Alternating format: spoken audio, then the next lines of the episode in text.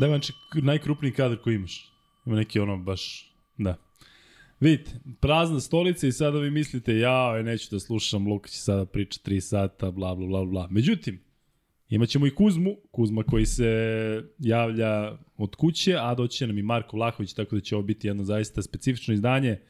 134. podcast sa Lukom i Kuzmom, koji će biti prilično onako slavljenički s obzirom na to da su i Zvezda i Partizan pobedili, tako da vidim da se prozivate već u četu, ali dajte malo da iskuliramo i da uživamo u pobedama srpskih timova u Euroligi. Partizan jako dobro pozicioniran, Zvezda posle ovakve pobede protiv Makabija, siguran sam da će ponovo da uđe u seriju dobrih rezultata. Sledi pauza u Euroligi i na najbolji mogući način su jedni i drugi odradili ovo kolo pobedama u gostima, tako da nadam se da ste zadovoljni. E, prvo izvinjenje svima onima koji su recimo kada smo ranije stavljali one polove pa su, izjašnjavaju se kao da navijaju za nekog trećeg, dakle i svi naši uh, prijatelji iz regiona koji možda nemaju takav odnos prema Partizanu i Zvezdi, samo da se razumite da mi jednostavno uživamo u, u pobedama srpskih timova.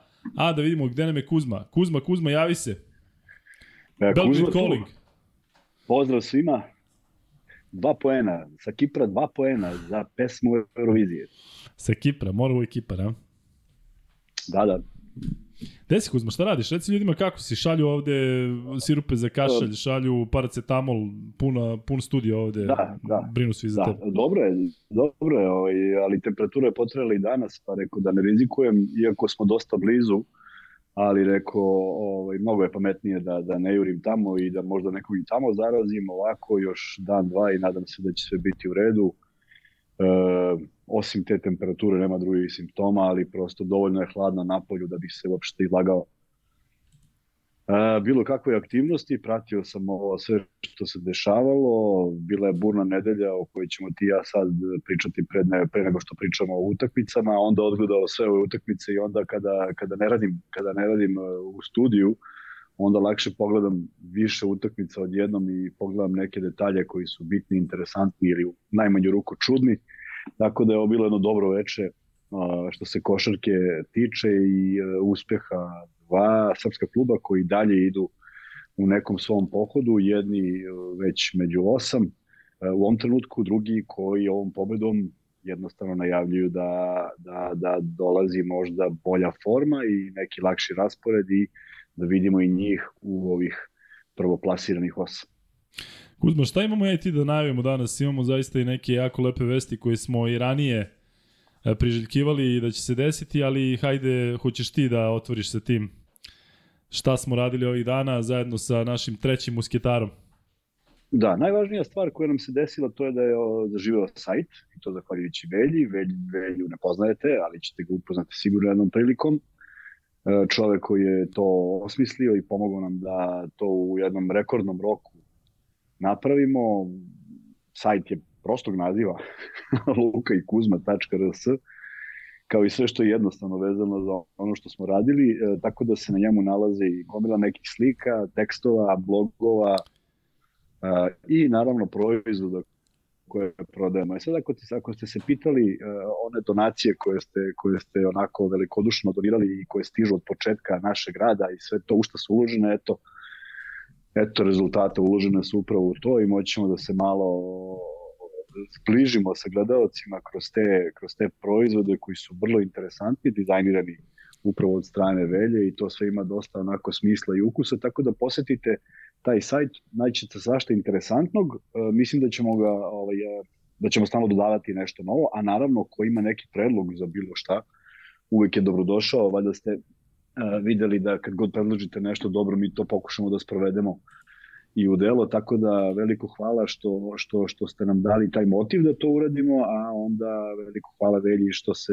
toliko založio, a onda i veliko hvala za prvih šest naručbina u protekla dva dana. Vrlo smo onako uh, veseli po tom pitanju u smislu da, da, da se i tako nešto dešava, a kažem dešava se iz prostog razloga što već godinu i nešto se zajedno družimo, pričamo i unapređujemo ovaj podcast i meni se čini da je svakim danom sve bolje.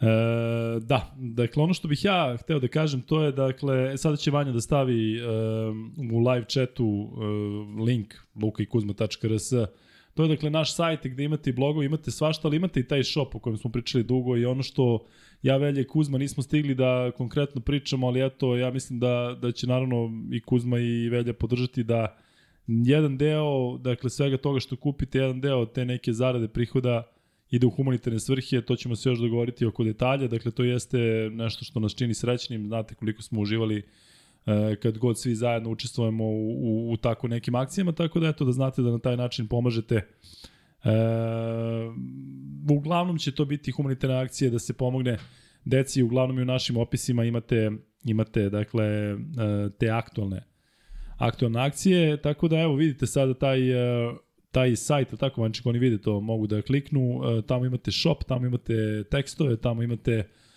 sve te lepe stvari koje je uredio Velja, treći musketar, mi smo na Viber grupi tri musketara, Velja je musketar sa, sa najviše posla trenutno i sa najvećim mačem, dakle on je glavni od nas trojice što se tiče organizacije svega. Tako da pričat ćemo još o, o sajtu, a e, takođe Kuzma imamo da najavimo još nešto što su ljudi koji nas prate na Instagramu mogli da vide, a to je šta što će se desiti ovog vikenda i to smo dugo čekali, to smo dugo najavljivali. Šta se dešava? Ne znam šta se dešava u nedelju u 21 na A, u nedelju 21, da, da. Čuveno, čuveni duel, taj duel kad su shvatili da smo prejaki zajedno, pa su morali da nas razdvoje u tom kvizu koji se zove Ja volim Srbiju I eto, Luka i ja, boga mi predno 3-4 meseca. Boga mnogo mi, toga se promenilo. Više, ako, ako ne više, a? I 5-6, da. I mnogo toga se promenilo od tada. Ovaj, tada smo bili negde onako u, u razvoju, a sad mislim da smo a, za jedan stepenik iznad i nekako se sve lepo poklopilo. Tako da ovaj, sa nekim rastom, rastom gledanosti ovog podcasta, eto prilike da pogledate i nešto da shvatite da imamo i malo mozga i da nešto znamo. Shvatili ste vi to već, verujem, ali ovo je bila izuzetna prilika da se malo igramo i da, i da eto, uz, uz neverovatne ljude, neverovatne energije Neleta Karelića i i brata Dragana, je tako beš?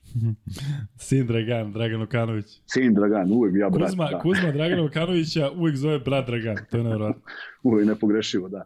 da. I ovo je bilo je zaista, zaista interesantno, a pritom Luka i ja na suprotnim stranama, to se ne, ne dešava da. često. Tako da, eto, pogledajte u, u nedelju od 9. E,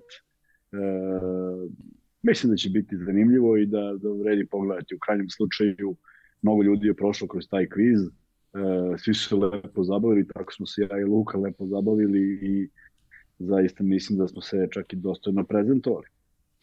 Tako je i to, dakle možete da gledate na RTS-u 21 čas u nedelju, ja mislim da je repriza 6 dana kasnije, dakle one naredne subote, a taj promo i tu najavu možete vidjeti i na RTS-u, možete vidjeti i na našem Instagramu. Možete nas podržati naravno kroz PayPal, Patreon i ove donacije tokom samog četa, ali sada imate dakle i shop Luka i Kuzma na sajtu lukaikuzma.rs Tako da sve u svemu, eto, možemo da, da Da se pohvalimo da, da imamo sada i sajt. E, vidim da ovde mnogi od vas spominju NBA i zaista svašta se desilo večeras i o tome ćemo pričati na kraju. Pričat ćemo sa Markom Lakovićem koji će uskoro doći u, u studio, tako da Vanček će danas da odmori zato što je on umoran.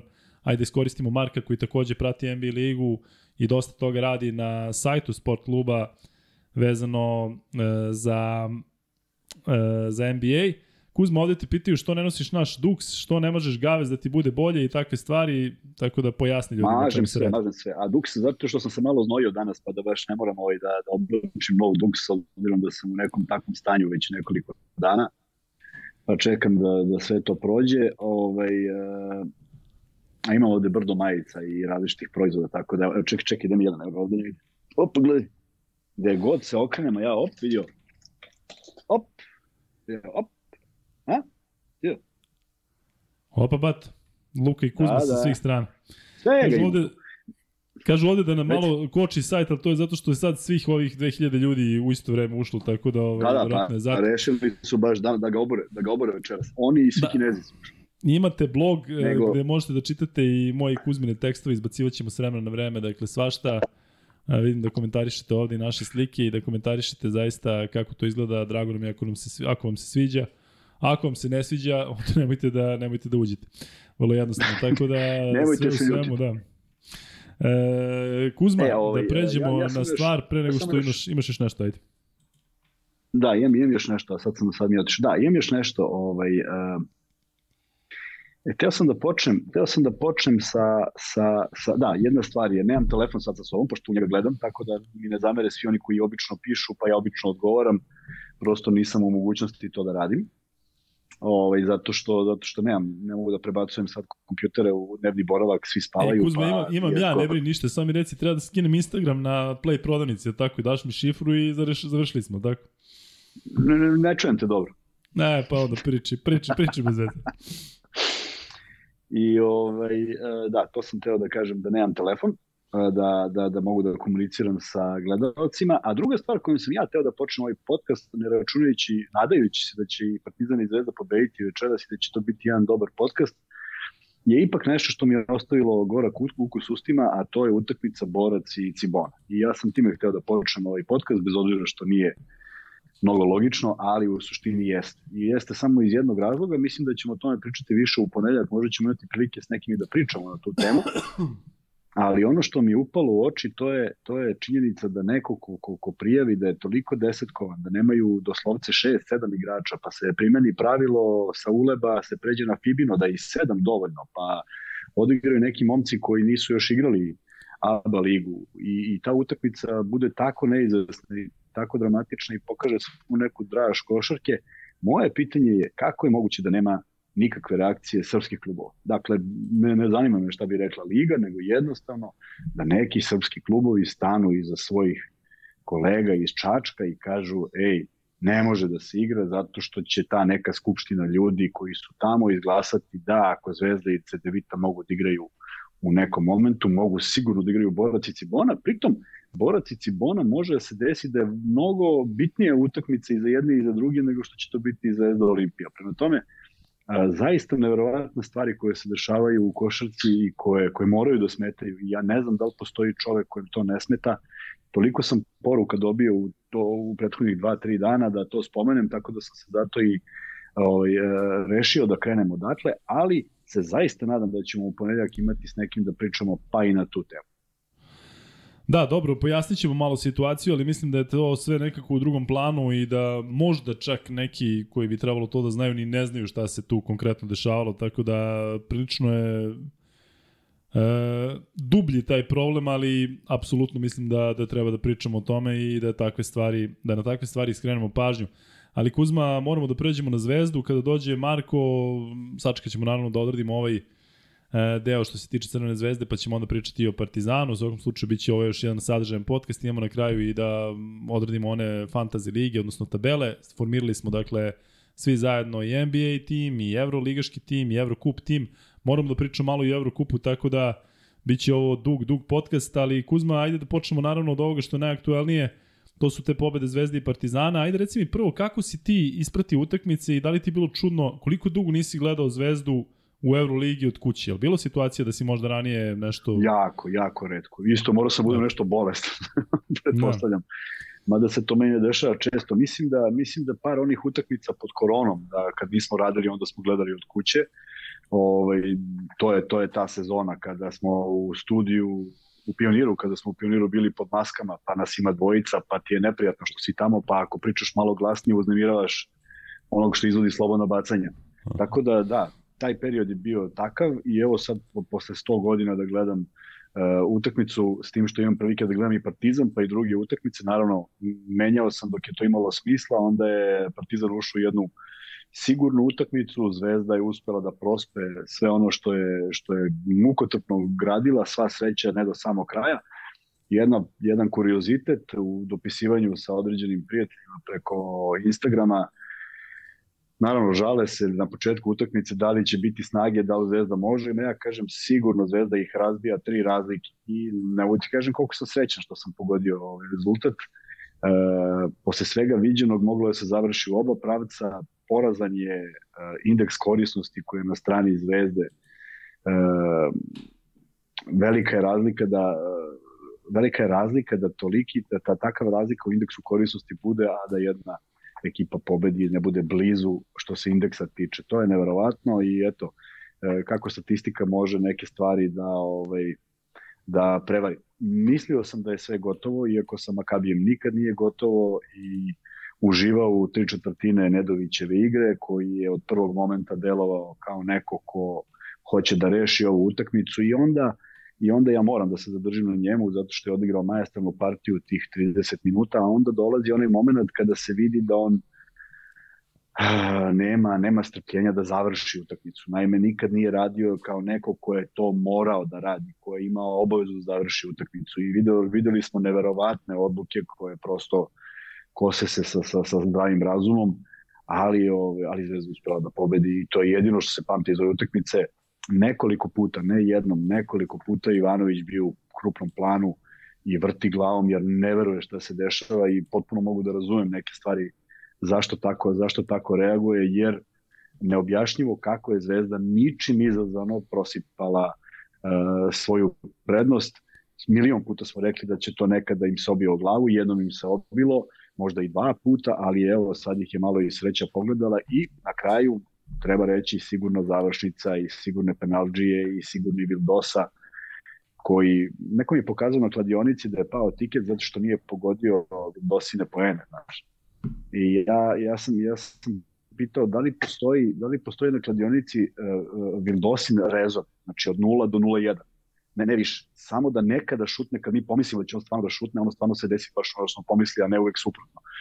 Odigrao je jako lošu utakmicu što se za jednog vođu ekipe uh, i za jednog igrača koji ima mnogo veći talenat nego što, nego što je to uradio večeras, ali i njega je sreća pogledala i u krajnjem slučaju znalo se da ako dođe do penala završnice lopta ide na njega ili na Nedovića, mislim da je bilo potpuno podjednako, međutim, kažem, jedino što je bitno, to je da je Zvezda pobedila. Drugo što je bitno, ako nemaš nešto me pitaš umeđu vremenu, pošto je malo čudno ako pričam, a obično kad te vidim krenemo da, da, da, menj, da menjujemo mišljenje. Ne, pazi, kada si ovde, onda volim da te prekidam uh, namerno, ali sad kada si, e, to, kada da, si tako daleko, onda ne mogu, ali sad moramo da skrenemo pažnju da je došao i Marko Vlahović, zadovoljan srećan. Ma kad pre je došao, je. Kao, pazi, kao A. Kuzma kod kuće, tako i Marko ovaj, sa, sa e, prenosa direktno, dakle, svi zadovoljni, svi srećni, ja mislim da je ovo zaista jedno Kuzma, si ozdravio? veselo veče. Ma nisam odrio, ali sad će dođi meni neko ovde, da, da odavde radimo dvojice. Da, sad e, ti pa dođe da. Darko tu, znaš, pa da... Sad ću navatam komšiju prvo. Prvo komšiju ću opozovem da nas bude dvojica. E, Marko, dobrodošao. E, hvala. E, znam da si žurio, ali e, trenutno smo u ovom sektoru kada, kada pričamo o Zvezdi, ali ajde, samo nam reci tvoj utisak. Ja ništa nisam pratio, sad sam video da su Nedoviću dali neku tehničku ovaj, Da, da, da li su klupi, kraj. da, da li su klupi, tu ljudi ovde komentarišu i komentarisat će to i Kuzma, ali eto, taman sad možeš da čuješ Kuzmu, Kuzma kao i obično ima detaljno sve što se tiče Zvezde, trenutno smo stali kod Nedovića, Kuzma, je li ti okej okay da se zadržimo malo na Nedoviću zato što mislim da je, da je zaista zaslužio, toliko smo pričali o njegovoj lošoj igri, pa je sada vreme da ga malo i pohvalimo, ali meni se čini da to nije mnogo drugačija igra od Nedovićeve igre na koju smo navikli, samo da je sada počeo da pogađa šuteve. I da je to možda ta razlika da jednostavno uh, ono što, što, što ranije nije ulazilo, sada ulazi, A takođe bih hteo da te pitam i možda se nadovežeš koliko su mu tih pet ili šest trojki koje je vezao protiv Igoke u ABA ligi, koliko su mu uh, pomogle da podigne samopouzdanje i da očigledno da kod njega nema nema neke sredine ili ubacuje sve ili, ili, ili ništa ne može da pogodi. Sigurno da jeste. Sigurno da jeste jer je otvorio utakmicu sa velikim samopouzdanjem, dva, tri šuta koja nisu bila ni malo laka, naročito onaj preko Colsona koji je ušao kao kap on to vidi da ulazi, kretnja mu je takva i ovaj dovoljno govori koliko je siguran. Ali upravo različitost utakmice e, u odnosu na sve što smo gledali Nedovića sada trebalo da počne u četvrtoj četvrtini. Dakle, sve ovo smo navikli da gledamo. Nedović je imao ovoliko pojena veže i u Panatenikusu. Nije ovo za nas iznenađujuće da on može da saspe neki 20 pojena dok si rekao keks. Ali odgovornost u igri, kada on treba preuzme, kada je Zvezda potpuno izgubila konce, u jednom trenutku E, Zvezda ima pet penala, Makabi nema ni jedan, e, svi pričaju kako sudije ne sviraju, a niko ne ulazi u reket. Niko, svi obilaze oko reketa. Prema tome ne znam kako bi uopšte neko mogao da svira faul i zašto bi ga svirao. E tu treba da bude tu treba da bude glavna snaga on, da uzme loptu i da kaže ajde sad sklonite, sad ću ja da napravim nešto što ima smisla. Dve, tri lopte u out, dve, tri lopte u bunar i ako se sećaš ko menja celu, celu situaciju na terenu Luka Mitrović onim fintom uručivanja i daje koš sa, yes. sa, sa dvokorakom sa trojke. Prema tome, e, meni je drago da Nedović u punoj i punom samopouzdanju, ali sam želeo da vidim da li je to utakmica koji će onda dovede od početka do kraja. Jeste vodio od početka, jeste bio glavni igrač, jeste sve zavisilo od njega, bio je solidan i u odbrani, ništa tu nije nagoveštavalo da može da se uđe ovako neizvesnu završnicu, ali onda odjednom kao da se sve to srušilo i mnogo sreće i neke zasluge za, za tu sreću treba je zaslužiti. Pre svega, uh, vraćam se sad na nekoga koje, koga sam mnogo pa kritikovao, to je Dobrić, koji je pogodio u loptu, ništa na lepše nije bila izbačena onaj rolling, da, ono. onaj rolling na kraju ništa lepše sa, sa lepšom mekoćom, ali do tada je sve bilo prilično mekano i onda je i to ušlo. Tako da to su u suštini ključni poeni koje on postigao, da ne, da ne govorimo o Mitroviću koji se sam borio i nadskakao celu odbranu Makabija e, uvek volim kada je e, Kuzmić u igri jer mi to donosi neku sigurnost, pa makar samo da vrati onu loptu Nedoviću što ilazila iz koša. Dakle, Zvezda je imala izuzetnih 30 minuta da je pokazala da može bukvalno da igra s kim god treba na bilo kom terenu kako se to prospe u 10 minuta sa, sa, sa neverovatnim talentom s polja, sa Ivanovićem koji možda nije opet u najbolj, najsjajnijoj formi, ali je pogodio neke šutove što je najvažnije imao 5, 6, 7 asistencije u jednom momentu. A, kako, se, kako se izgubi, kako dođe do te bez, bezidejnosti da nema zaista niko da, niko da prodre, da napravi neku drugačiju akciju. Svi primaju loptu na, na, na 8 metara od koša, kako god se uzme timeout, isto to gledamo. Tako da, veliki napor svih igrača je pre svega bio potreban da se ovo pobedi, da se ostane u igri, da se ne poklekne, da se ne poklekne pod sjajnim Bolbinom koji je odigrao partiju života. Sva sreća oni imaju onog, isto imaju momka koji, koji nije baš sasvim prisutan. E, četvorka što je šutno trojku. Gerald Martin. Najpametniji potez. Crni, e, afroamerikanac ili... Kad je bio sam šutno trojku? Ne, ne, ne, ne, ne, ne, ne, jevrej. A možda i Amerikanac Albert. E, Ma on je što šutnu trojku. Sorkin. E, nije, nije Sorkin, ne, ne Sorkin. Ima još jedan što je ušao samo malo, pa palio trojku, Menko. pogodio. Tvoj Menko. Po, pogodio, moj e, Menko, pogodio doz do obruč, jebate, to je fantastično. E, znaš, kako si, znaš kako si hvalio Rafija Menka na evropskom Kamenka? Da, Kamenka. da, kada je, kada je rekao si Rafi Menko je odigrao fenomenalno Menko. Moment. Pa to je bilo na evropskom, pusti me sad da, evropskom. Protiv Srbije, protiv nas, da. Onda su, onda su neprijatni. Zaboravio si. U svakom slučaju, ovaj, uh, ono što je Darko rekao u prenosu je fascinantno da su najlošija defanzivna ekipa što se skoka tiče. To je zaista poražavajuće kada pogledaš kakva tela imaju, a doslovce kogod je hteo da skoči za loptu u napadu, on je i uzeo. Skinuli su igrači Zvezde neverovatan broj lopti, sačuvali ih, spasli, svako je odradio neki svoj deo posla i kažem, žao mi je što ta utakmica nije završena bez stresa, jer bez stresa ideš u sledeću utakmicu potpuno rasterećeno. Sa ovim stresom ti sad moraš da analiziraš kako je moguće da 10 minuta si mogao da prospeš sve. Dolazi Alba, igra prilično sličnu košarku, moraš da ih malo umrtviš kao što je Zvezda umrtila, pa na, Makabi pa igrali protiv njih tu jednu igru koja je Zvezdi odgovara. Kad god je Makabi imao taj kraći napad, a lopta bila kod Bolbina, to su bili koše, i kad god je tu loptu uzeo neko drugi, to je bio dovoljno dobar rizik, neka uzimaju.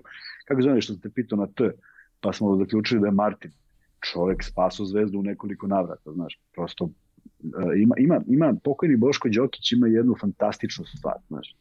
On je ovaj, igrao pressing, igrao pressing i onda je govorio igračima da priđu da niko ne sme da diše. Onda je prišao jednom igraču i rekao, e, a ti ovog tvog malo pusti. Sad on kaže, pa zašto ako igramo pressing? Pa kaže, on treba da dobije loptu, on misli da je sam, pa će on nešto da uradi, kaže, a najgori je na terenu. E, Tako mi je izgledalo da kada Bolbi nema loptu, da ideja Makabija ne postoji i tako se tako i izgledalo u velikoj većini utakmice, ali on je majestralan, odradio je veliki deo posla, postigao nevjerovatan broj poena i nedovoljno jer je podbacio jedino mesto sa kojeg ne podbacuje su linija slobodnih bacanja, a on ih je promašio pet. Da, sada kada pominješ Boška Đokića, malo samo da se zadržim tu, ja i Boško smo imali zaista jedan divan odnos, e, jedno vreme smo bili neverovatno bliski i zajedno smo se dogovorili da on piše onu legendarnu kolumnu u Danasu, e, sa Njofrom i sa Njofra pa još nekim, još nekim likovima i pokojni Boško je bio velika legenda, čak i dolazio na neke moje ja organizujem basket ono 3 na 3 da igram sa drugarima tog tipa i kažem da ću biti tamo i onda on dođe i iza iza drveta se sakrije i gleda Ovaj, e, bio je to onako prilično težak period i za meni i za njega on je bio nezaposlen, ja sam bio nezadovoljan tamo gde sam radio, ali eto, to nas je nekako zbližilo i mislim da je njegova kolumna zaista onako E, Fenomenalno, fenomenalno. Značila, značila ljubiteljima košarke, onim pravim ljubiteljima košarke koji su znali nekada da čitaju između redova i eto, pre sada već e, čini mi se da ima uh, tri godine, dakle pre korone je umro Boško ovaj, iznenada, tako da sećaš se da kada smo počinjali da sam ja hteo da napravimo jedan specijal da ga se prisetimo, međutim, eto, nikada dotle nije došlo možda u, u nekom trenutku i dođe. Kuzma, što se tiče Zvezde, pitao bih te, e, nekoliko stvari bih vezao. Rekao si da je 30 minuta bilo dobro, pa da je onda u završnici to malo e, uznemirilo navijača. Ajde tako da kažem, mislim da svi navijači Crvene zvezde i svi oni koji su pratili utakmicu su grickali nokte i tresli se do posljednjeg trenutka, ali za nije to možda pozitivno da Zvezda neke mečeve koje je gubila u posljednje vreme na taj način, pa ako i duel proti Partizana još neki duel u Euroligi, E, način na koji su dobili ovaj duel da su kao i Partizan u jednom trenutku izašli iz te neke krize, pritom e, pojedini igrači poput Nedovića koji je naravno proradio protiv Dobrića koji je pogodio taj šut na, na, sa 1 na 3 razlike, poput Mitrovića koji je takođe imao neke lošije partije, zar ovo sve ne bi trebalo da podigne zvezdu u narednom periodu kada se praktično i rešava rešava pitanje da li će, da li će igrati u play-offu i da li će se boriti za play-off?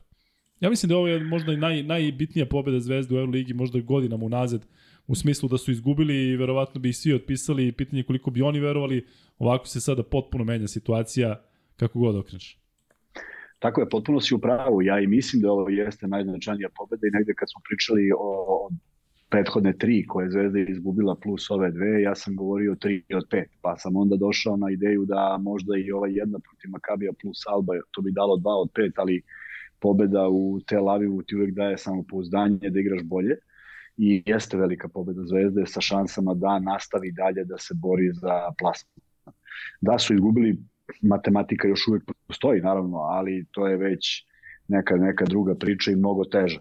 E, potpuno si u pravu, najvažnije je da je Zvezda pobedila i sa tim stvarno sa osmehom mogu da se vrate, ali E, ti ne bi primetio, niko od navijača ne bi primetio manji doprinos ovih igrača koji se spomenuo da je završeno sedam razlika i odmah je bio i završnici. Dakle, da. samo ne mnogo lopti u bunar, samo ne mnogo neredanskih e, šuteva, samo ne nekih početničkih stvari koje, koje, koje, koje ubijaju ekipu i kažem, Zvezda se fantastično izvukla iz svega toga s obzirom kako je to išlo i da je faktički jedan otvoren šut delio Zvezdu od, od opet jednog užasno teškog poraza, jer pitanje je kada bi, da su izgubili ovu utakmicu, kako bi se uopšte oporavili za tu neku dalju i mnogo težu matematiku. Prema tome, najvažnije je da, da, da, je, da je pobeda stigla, da je pobeda stigla što pokazuje da Zvezda može da igra konkurentno na, na gostujućem terenu, to je pokazala i nekoliko puta u toku ove sezone, čak mnogo više puta od kad Ivanović tu nego na domaćem.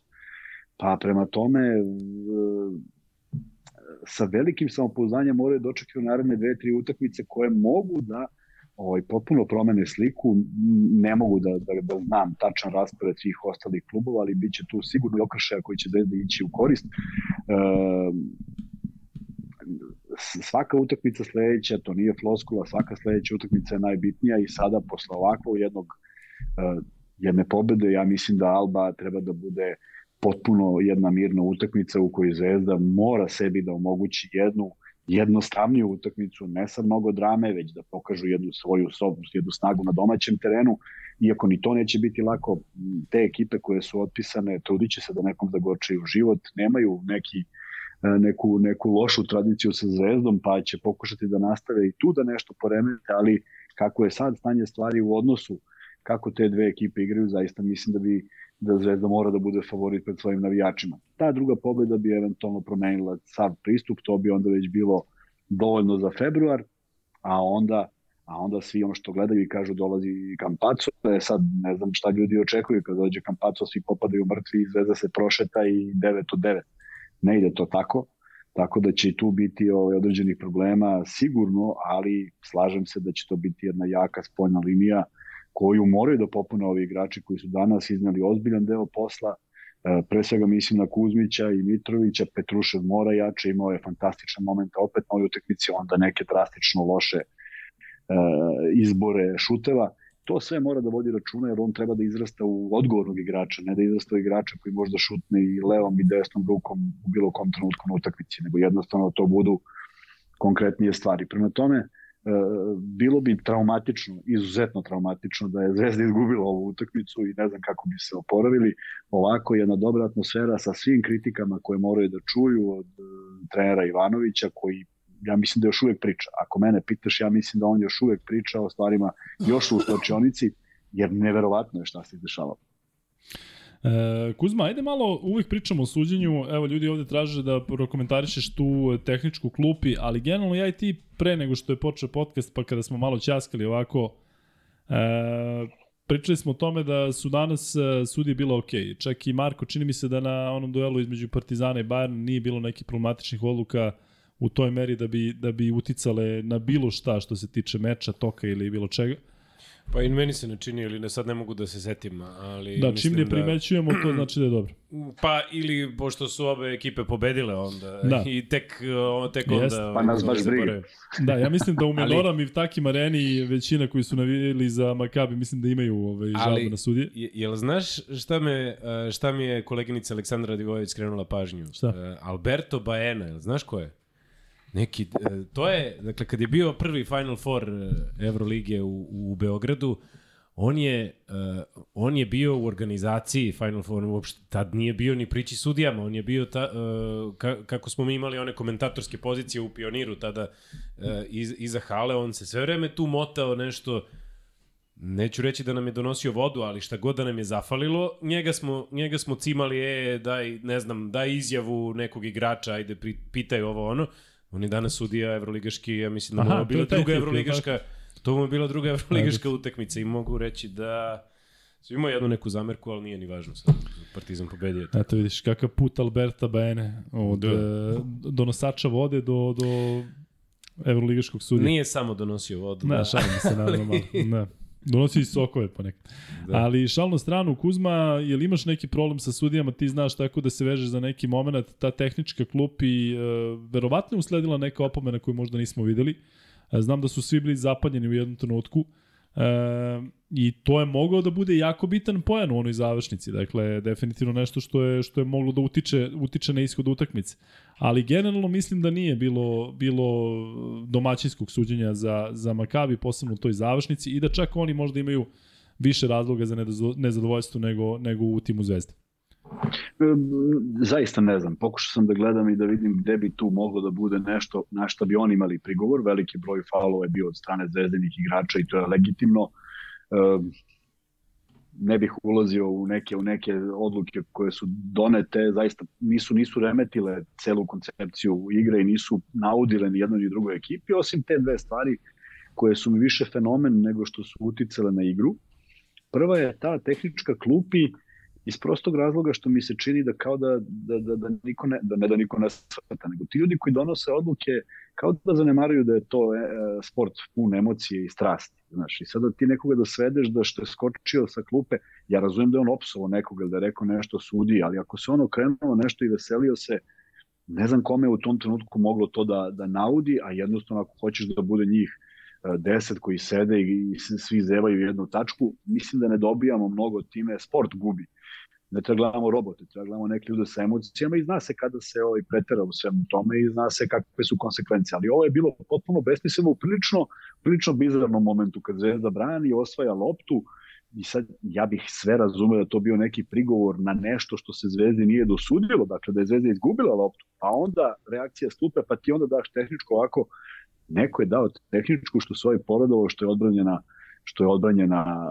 osvojena lopta. Neverovatno. I druga stvar koja mi je ušla u, u oči, imate, ima, ima i treća, da ne bude, da ne zamere, svi oni koji navijaju za Makabi u Srbiji, znaš, pošto ima i takvih, koji onda kažu da treba da budemo objektivan i da kažem sve, pa ću reći. Druga stvar koja mi je zasmetala je zašto na uh, Dobriću nije momentalno kao prva odluka bio nameran faul nego je gledan snimak. Zato što ako nešto napraviš leđima okrenut čoveku i uhvatiš ga za ruku, više bi volao da su oni sudili nameran, što je bilo na, na, na, na prvo viđenje. Uopšte nisam morao da vraćam film, a u naknadi da shvate da možda nije bio. Ovako je delovalo kao da je tu nešto poklonjeno, a mislim da nije, mislim da je bilo sve potpuno čisto po pravilima i onda dobio je zvižduke sa tribina. Da je kontra, dobio bi aplauz i onda bi to delovalo kao dobra sudijska odluka. I treća stvar za koju da ima tu primetbi, to je taj, taj treći moment, posljednji moment kada Baldwin izbija loptu u Vildosi. Slažem se da sa naše Google i kamera kako snima ta lopta kao da zaista kao da je pogodio loptu i da je ona otišla, sad ne vidim da li od Vildosi na noge otišla u aut, ali je izuzetno uh, brz pokret bio. Izgledao je, on, je, on nije bio namera da izbije loptu i sudija je bukvalno stajao tu. Tako da na, na, na odsečnost tog pokreta mislim da ga isprovocirali da je svirao. A stvarno mislim da je pogodio samo loptu. E, evo, stigli smo do 500. lajka, tako da krećemo prvi free bet da nismo čak ni pozvali za like, ali eto kada stignemo do 1000 uh, imaćemo drugi like u vezi Partizana, odnosno drugi free bet. A prvi free bet, pošto smo već pričali o trojkama Nedovića kada je šutirao, koliko je šutirao, pa kada je šutirao loše, pa smo i to malo potencirali. E, ko prvi danas odgovori koliko je Nedović šutirao za 3 poena, koliko od koliko, dobit će prvi free bet u iznosu od 1000 dinara i šalje to na lukajkuzma.gmail.com. Kuzma, uh, da li je Zvezda danas e, naterala Makabi da igra loši zato što je ovo verovatno najslabija partija Makabija ove sezone u Euroligi pred svojim navijačima. E, koliko je uticalo možda to što je Lorenzo Brown navodno trebalo da igra, pa je neki sat vremena pred početak meča ipak e, ipak odlučeno da ne igra. E, koliko su te neke stvari uticale zato što ovaj Makabi zaista nije delovao kao ekipa koja je strah i trepet na svom terenu, ali da li ima do Zvezde koja je pre svega dobro otvorila meč sa onih 0-5, pa je imala i e, dosta dobre periode u prvom poluvremenu, da su oni jednostavno ubacili ovaj, ovaj meč, odnosno ovu utakmicu u svoj ritam koji im odgovara. Znaš šta, imati seriju na gostujućem terenu od 9-0, 10-0 i 9-0 nije lako. Dakle, apsolutno je Zvezda tu kontrolisala time što im je uh, dozvoljavala neke stvari, zatvarala neke vrlo bitne uh, momente u njihovoj igri. Kad nema Lorenza Brauna, koji ipak jeste neverovatno, ali jeste alfa i omega ovog tima, to onda preuzme Bolbin koji je vrlo jednosmeran u smislu ne asistira, on igra čovek majestralno, on je skorer, ali od njega nismo videli baš jedan pas da je usledio bilo gde. Uh, odigrao je izuzetnu partiju, međutim nima ko to da prati. Svi ovi ostali su sporedni, kažem ti, sećam se Martina tog iz prve utakmice koji daje koš kada, kada pada u step back, on daje trojku, danas promaši ceo, ceo objekat potpuno sam. Uh, E, nisu to neki igrači koji, koji, osim što imaju imena svoja, znaš, pa to lepo zvuči, pa ti sad kažeš ovaj, pa kažeš onaj. Nisam vidio nikakvu hemiju, nisam vidio da neko voli da pravi faul za nekog drugog, nisam vidio da se neko podmeće, nisam vidio da se neko gradi, nisam vidio da neko skida loptu, nisam čak vidio neko da se posvađa a oni gube 16 razlike, niko ne reaguje. Tako da ne vidim ja neku naročtu hemiju kao što nisam ni očekivao da vidim u ekipi Makabija iz prostog razloga što je to 12 igrača od ove sezone skupljenih, pa i ne mogu da imaju hemiju sve i da hoće.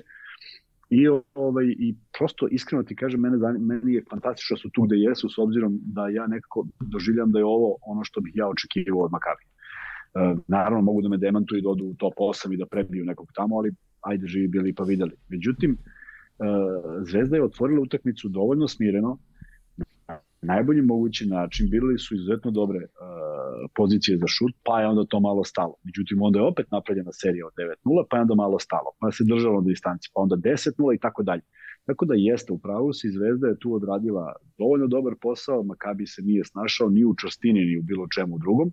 I jedino što krim za jedine igrače, to je za, taj, za tu četvrtu četvrtinu, što su jednostavno sami pobegli iz reketa doslovce, evo ko može da vrati tu četvrtinu, sve lopte, sve kretnje su daleko od koša, svi koji prolaze kroz reket, svi beže ka lopti i svi dolaze na neku na neki nivo od 7-8 metara i tamo pokušavaju nešto. Nigde nije bila ni jedna druga kretnja, nigde nije bilo ubacivanje u reket u, tom periodu e, što, što, što ne valja. Ne valja zato što Zvezda kada je u reketu onda to ima smisla, ima i dobrih akcija. Video si u ostalom sigurnu akciju koja se nikad nije desila, verovatno nikad ni neće, Kuzmić do Lazarevića, Lazarević mu vraća ovaj polaže. Znaš, to su neke stvari koje su izmislili jer se, jer se, jer se razumiju, jer se igraju, jer, jer to sve neko funkcioniše i to je negde i prava snaga. I žao mi je što nisu tako više poena dali, jer očigledno da tako nešto može da prođe. E, pričati, pričati o snazi Makabija sećaš šta smo pričali njima od predsezonu, ti imaš ono, kad počneš sa Elem, pa kažeš jedan jedan ovaj, nadimak koji daješ ekipama. Ne verujem da su baš toliko loši, ali činjenica je da bez Lorenca Brauna, koji se profilisa u takvu igrača i to je misterija, ali moramo da složimo da jeste tako, ovaj, da, da, da mnogo nedostaje organizaciji igre. Da, Lorenzo Brown je potpisao do 2026 i mislim da je to dobar potez za ekipu koja se onako e, stalno menja tokom leta, dakle oni će verovatno pokušati nešto što su radili sa Wilbekinom, a to je da jednog igrača ekstra klase zadrže dugi niz godina u timu i verovatno da će biti... da menjaju. Šta da? A ove ostale će da menjaju. Pa verovatno, da.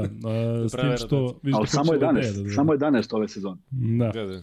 E, Kuzma, s obzirom na to da nam je Marko tu i da znam da ti imaš temperaturu i dalje i da tvoji ukućeni moraju da spavaju, lagano bi privodili ovaj, ovaj uh, deo Zvezdi kraju, ali hajde da te pitam, prvo da kažem da je Matija, ali tako, Vanček, i svi do Matija je dobio free bet, Matija šalješ na lukekuzme.gmail.com maxbetov ID. Uh, Kuzma, ono što sam hteo da te pitam, šta znači ovo za Zvezdu u nastavku sezone? Da li očekuješ da će sada ova pauza uh, prijeće sigurno, ali da li prvo očekuješ da će Zvezdi, da će Zvezda igrati kup i uh, generalno uh, u narednih recimo mesec dana, ajde da, da, da ipak da se ogradim pa da kažem ovaj period dok se ne vrati Kampaco, šta možemo da očekujemo od Zvezde?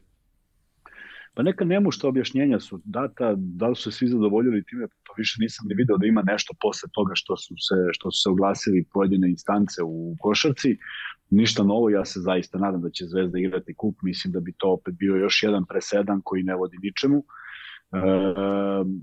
volao bi da taj događaj prođe najbolje moguće, volao bi da, da se tamo sastanu, ja mislim da se Zvezda i Partizan sastaju u polufinalu, ako sam dobro ispratio, što je onako poseban kuriozitet, ne dešava se često, ali eto desit će se ovaj put i da ovaj to prođe u jednom u jednom rasterećenom u jednoj rasterećenoj priči jer sada za razliku od svih prethodnih sezona i Zvezda i Partizan znaju da taj kup uh, u, može da odvede ekipu u nekom drugom pravcu u smislu da se previše potrošiš a da dolaze utakmice Evrolige da se uh, neko povredi, da se bilo šta loše desi, da se jednostavno ta forma podigne baš za tu utakmicu, a slede mnogo važnije. Tako da u tom trenutku taj kup koji dolazi nije baš najsjajniji i mislim da bi jedna i druga ekipa zbog svojih uloga koji imaju u ovogodišnjoj Euroligi morali maro nekako i da vode računa koliko god to glupo zvučalo, ali ne dešava se često da obe ekipe budu tu gde jesu u ovom periodu i da mogu da ovaj, da konkurišu za top 8. Činjenica je da Partizan faktički jeste u top 8 sad na tabeli, naravno ima još dosta da se igra, a činjenica je da je Zvezda korak, makar taj jedan korak bliže, jer ovo da nije pobedila bilo bi ozbiljan korak unazad i teško da bi se ikad dostigao. Prema tome, sve to će imati ovaj, e, otežavajuće neke okolnosti po sam kup ili kup po Euroligu, a pritom još uvek ne možemo ni da, da, da načisto znamo kakav je raspored jednih i drugih, šta ih čeka odmah posle kupa i tako dalje. E, ja mislim da je Zvezda, Zvezda je Alba, je tako? Zvezda dolazi Alba, tako Partizan, Fenerbahče, pa Partizan dočekuje Fenerbahče, pa onda igra protiv Alba isto kod kuće. Da. Da, znači Partizan dočekuje Fenerbahče. Dobar raspored za jednu i za drugu ekipu. Uh, naravno, ne treba ih sada gledati gde su na tabeli, a ne treba ni gledati kakve su ekipe, igraju promenjivo i jedni i drugi, međutim uraditi nešto od ovoga što je urađeno večeras i protiv Alba i protiv Fenerbahčeja. Ja ću samo još da se ovaj, osvrnem na ne, ne dve stvari. Prvo da se setim Boška Đokića kad ti ga već spomenuo, pošto je danas nevjerovatno, ali moj drug Meša Andrić mi šalje jedan Boškov citat koji je fenomenalan i kaže, dobar igrač ima mnogo mana. Kaže, a loš samo jedno, on ne zna da igra. Znaš, tako da ovaj, Boškove su ovaj, te neke priče yes. genijalne potpuno i, ovaj, i treba, treba ljudi koji manje znaju o njemu još uvijek mogu da nađu njegove te kolumne na internetu pa neka se malo obrazuju i neka vide kako je neko izmislio čitav alter ego pa, ovoga, kako je, Njofru paviljonskog i, i kako to funkcioniše fenomenalno i koliko tu ima dobrih poruka između redova. A s druge strane, da, da, da ne, ne ostane Marko sad ovde da čeka da ja završim ovaj monolog, ali da kažemo Partizanu, prebacivo sam i gledao sam one vrlo bitne momente, gledao sam Partizanovo vođstvo u prvoj četvrtini, pa je e, to Bayern stigao, međutim u jednom momentu kada sam video kako se stvari odvijaju koliko čvrsto igra Partizan odbranu dok se privikao na onu pa malo čudniju odbranu sa Bongom koji, koji leluja, on stoji malo kod Keca, malo kod dvojke, malo kod trojke, malo čudniju, smeta. malo čudniju odbranu sa malo čudnijim Bongom. Oni Bonga je najspecifičniji igrač, ja mislim, uh, u, u istoriji da. svega. Da, nevjerojatno, on stoji na kecu i čuva kec i onda se nekako Yes. yes. dođe kod petici i podjednako čuva peticu, pa onda malo iđe na trojku i sve to je, sve to je dosta zbunjujuće bilo po Partizan, zato je zato nije išla razlika toliko, iako sam mislio da su onako silovito krenuli, pa pomislih ja samo da ne krenu silovito pa se pa izgore pa da ono klackalica onda se smanjuje do kraja. Međutim ne, držali su i do poluvremena i posle toga kad sam video da je to sve otišlo uz, uz jednu prilično sigurnu igru i u stvari šta ti je najsigurniji pokazatelj kad jedna ekipa ostane na 45 poena u nekom momentu i to traje i traje tih 40 nikako da odu na 50. Prema tome, e, izuzetna partija. Čuo sam Željka Obradovića da kaže da je bilo mnogo bolesnih igrača, čime je ovaj triumf još, još važniji. Papa Petru nije uopšte otputovao, tako da ovaj, to donosi opet jednu novu težinu, ali eto, sad zamisli sa tim ako, ako je utakmica utiče na to da se oni sada leče, a dolazi kup i tako dalje. Treba, treba biti obazriv zato što redko su naši klubovi igrali na tri fronta, bar dva u isto vreme redko, tako da sad treba vidjeti i izvagati, a svaka utakmica se računa, a svaki trofej je bitan i ja ne volim da minimalizujemo taj kup otprilike ne vodi niku, niče, nigde. Pa ne vodi ni kup kralja nigde, ali je prestiž.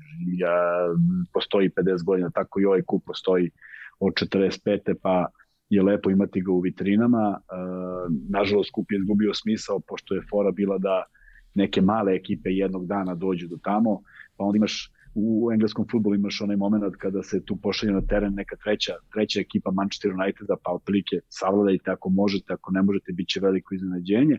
Tako da daje tu neku draž, ali ta draž kao i mnogo toga u košarci se nekako izgubilo kod nas sve manje draži i sve više nekih čudnih stvari, ali večeras ono najvažnije, da li Lineker nije bio u pravu Hm. i da je Zvezda pokazala ponos. Tako je, da, malo si pojasnio taj naslov. E, Kuzma, e, koliko ti je bilo čudno da radiš iz tog ugla ovaj podcast, svoj podcast iz svoje kuhinje? Najčudnije mi je što pričam, pričam, pričam, pa ne znam da li sam preterao. A, ovaj, a shvatam da, da je komunikacija nemoguća da ti sad nešto kažeš. Klimom, klimom ja pričam, glavom. Pa, mi, pa ne vidim ti glavu. Ali ovaj, vratit ćemo se u normalu koliko čim pre. Uh, eto, uspeli smo i ovako nešto da izvedemo, iako sam ja zaista želeo da dođem ovaj, danas, ali opet sam se probudio s temperaturom, onda nisam išao u studio sport kluba, jer me Marko juče zvao i rekao, Znaš ajde, javit kakav si studio propustio. Kuzma? Znaš Pa, kakav je studio bio? Gledao sam ga malo. No pre, pa znam. Pa ne, kad, sve kad ne, nema. nova scenografija, sve novo, znači sve, sve je promenjeno u da, odnosu na. Lilića.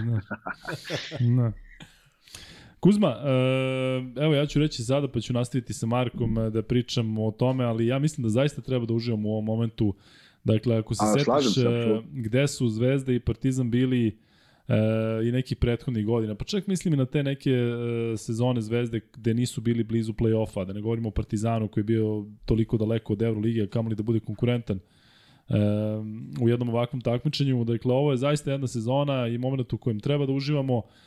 Meni sad deluje nezamislivo, zamisli da je jedan klub, uh, jedan od ta dva kluba u Evrokupu i da igra možda protiv Šljonska ili protiv Kluža, bez namere da pocenim ove timove, ali mislim da su Zvezda i Partizan zaista digli ovo na, na, na neki ozbiljan nivo i zaista ne mogu da kažem hvala, ali s jedne strane i čestitke ljudima koji su, koji su to omogućili koji god da su i na koji god način znamo da se svašta dešava i da za neke stvari čak i nemamo objašnjenja, ali eto, ljudi koji, koji se bave nekim stvarima, sigurno da, da, da su sada e, došli do nekog, ne mogu da kažem vrhunca, ali Zvezda i Partizan igraju protiv najboljih timova u Euroligi i e, ne samo da se nose sa istim, već ja zaista verujem da će jedan i drugi tim ići u, u top 8, a tamo je sve moguće. Partizan je trenutno bolje pozicije, ali kažem, mislim da bi umesto da se prepucavamo i da vodimo ovde neke lokalne ratove, da bi trebalo da uživamo zaista u ovoj e, apsolutno antologijskoj sezoni u Euroligi i to, to je to što se tiče tog momenta, ti znaš da ja stalno potenciram koliko je ova sezona svima nama bitna. Da se zahvalim samo Ivanu Jovanoviću na donacije, a tebi Kuzma da poručim da što pre ozdraviš, da nam dođeš u ponedljak i evo za kraj šta imaš da poručiš ljudima uh, koji ovde prate, ima 3154 čoveka u live-u i pritom da kažem da Kuzma sada kada se odjavi neće završiti svoje učešće u ovom podcastu, nego će se malo verovatno posvetiti vama na Instagramu i odgovarati na vaše pitanja. Tako Kuzma? Da, hoću, ali pre toga moram da kažem nešto što mi je na duši. Ajde. Da imate Imaš vremena. 38 sa 4, ajde. Da, ne, slušaj. A, prva stvar, da, da, da sam fasciniran brojem navijača koji su bili u Vićenu, jeste Minhen, nije daleko, da se razumemo, ali svejedno, ono je bio, ono je bila domaćinska, domaćinska atmosfera i svaka im čast. Drugo, za one malobrojne u Tel Avivu isto su ih negde našli fenomenalno jer su sa toliko emocija, hteli ne hteli, morali su toliko emocija, pošto ja verujem da im nije bilo dobro na kraju utakmice uh, i da, da, da, da koliko je to dobro kad imaš podršku makar, makar toliku uh, u jednoj, u jednoj uh, areni koja je poznata po, po spektaklima koje pravi. Kažem, Minhen je malo bliže, pa je sigurno i dosta ljudi odavde otišlo, ali verujem da su to ljudi koji žive i rade u Nemačkoj. To mi je prva stvar. Druga, da se desila jedna ogromna tragedija i eto nismo je spomenuli nažalost, ovaj, zato što pričamo o košaci i pričamo o nečemu lepom, ali to se desilo u Turskoj i Siriji i zemljama i taj zemljotres koji je odnao mnogo života će uticati na košarku i sad pogledaj, opet se nalazi jedna, jedna čudna situacija e, pred čelnicima Evrolige, ona se odražava na sport. Najvažnije je tamo da, da, da što manje mrtvih bude i da se ljudi nekako vrate životu i da, da ako mogu nađu još više preživelih pod onim ruševinama, ali de facto utiče na sve sfere života pa će uticati na sport. Niko ne zna koliko će trajati ovo odlaganje i kakve će to onda dodatno probleme stvarati u uh, odigravanju mečeva, tako da se i sa te strane komplikuje eto, na primjer, ti kažeš da dolazi da dolazi Fener u Beogradu, da li će oni moći da igraju ili neće, ili samo na, doma, na domaćem terenu neće moći da igraju, sam Bog zna šta je tu, šta će, kakvo će rešenje biti i to je još jedna strašna okolnost, strašna, strašna tragedija koja se opet kažem, prelila i na košarku i mnogo mi je žao zbog onih žrtava i gledam one potresne snimke, pošto eto nisam išao nigde pa sam to gledao zaista ovaj, strašno i potresno. I treća stvar koju sam htio da ti kažem, e, mnogi navijači su pisali i rekli su da su srećni ako si ti srećan što je ovaj momak iz Denvera otišao, ja verujem da jesi, Da, srećan sam, ali sam generalno nesrećan zbog toga što je Denver odreagovao samo na taj način. Doli su Brante koji je korek, korektan, ali pričat ćemo negde oko 3 sata ću, kada možda i Marko ode kući, ja da ostanem sam s kamerom i da kažem svoje mišljenje u nekih čekaj, sati 40. Čekaj samo ja nešto da prokomentarišem. Ajde. Kuzmo, jesi video Lebrone što je dao 38.000 i koji poen? Yes. Ali je pobedio utakmicu? Mi. Ja kad sam vidio da je izgubio, poludeo sam. Juče da. sam legao u krevet i juče sam shvatio da on nije pobedio tu utakmicu. Da jeste, ok, da, si je dobio. Da, da on da je slavio, mis, mislim slavio, ono, raspoloženje je top, znaš, sve u slačionici da. se... Ali pazi, izvini, neverovatna sličnost... izgubljeno koliko, tri razlike? Tri razlike, 133, 130, ali neverovatna sličnost između tog meča i Bryantovog meča. Ima, i u smislu ima i poznati i sve. Da ali je Bryant dobio taj meč i dobio Aha. ga je sam protiv Jute, njegova posljednja utakmica kada je dao 60 poena. Ali meni to čak ne baca toliko senku na, na ovo što je zaista istorija, ali da je utakmica jako bitna jeste zato što Lakersima sada svaka pobeda je... Tome se radi, nije da, pritom im je nije Oklahoma da sada direktan, Tako je, Oklahoma im je sada direktan uh, onako konkurent za plasman dalje. Uh, Kuzma, nikako da odeš, ali ajde ovaj, prokomentariši malo još Imam još Jamesa. I imaš posle ovu našu novu rubriku koju si uveo, tako? Da, imam još nekoliko Ajde. stvari. Ajde. Prva stvar. A, izašao je fantastičan mim, mem, majm. Džabar sedi kaže, pa ja kad sam postigao taj rekord, ja nisam izgubio. Tako, Tako da, to je na ovo Markovo odlična fora. A, druga stvar, a, a druga stvar koju sam teo da kažem je, vidiš šta mi radiš. Rubrike, rubrike, rubrike. Jesam već došao do rubrike? Nisi, da. ne znam šta si hteo. Ajde, nema veze, zaboravit ću ovo drugo što sam hteo da kažem, ali nešto jesam hteo. Javit ćeš nas opet na Skype. Javit ću se, da. Rubrike. Sad prekidamo, trebalo je na kraju, ali pošto ja idem, sad ćemo da ih uradimo. Uh, fantastično mi je bilo kad mi se javio jedan momak i rekao da je zbog našeg podcasta gledao Tri Amigos. Tako da. da će Luka danas preporučiti jedan film, a javio se još jedan momak koji je kupio autostoperski vodič kroz galaksiju i počeo da čita. Nadam se da će mu se dopasti, a to je razlog zbog kojeg ću ja preporučiti knjigu i album. Da, nisi ljudima rekao, dakle, od danas uvodimo rubriku da ćemo prilikom svakog podcasta da preporučujemo, dakle, tri stvari. Film, album ili pesma i knjiga, tako? Kuzma je danas zadužen za knjigu i za album. Izvoli. Tako je. Knjiga neka bude Poslednja nova godina od Nikola Amanitija. Ko voli crni humor, zaista je maestralan. A što se albuma tiče, šta me, šta me inspirisalo, znaš, kad god otvaram ove naše komentare koje si ti gledao nešto ovaj, nedavno, i ovaj, vidiš ljude koji se iznova iznova javljaju i šta god mi da napišemo, oni, ovaj, oni, oni e, nastavljaju svoju priču. Tako da ima taj, ta pesma sa Use Your Illusion 2, a i jedan nije za bacanje, Guns N' Roses 87. godine, ko nije odslušao, neka odsluša. Ima ta pesma Civil War i počinje sa uh, sekvencom iz filma, da kaže prosto neke ljude ne može, do nekih ljudi ne možeš da dopre. Dopreš, problem je u komunikaciji. Neka pogledaju o čemu se radi, spot je genijalan, tekst je još fantastičniji, pa neka malo prostudiraju taj tekst i, i dakle to je to. Tako bi se ja odjavio. Uh, Use Your Illusion 2 je realno album na kojem nema ni jedne pesme koja nije super hit. Ali se slaže Kuzma?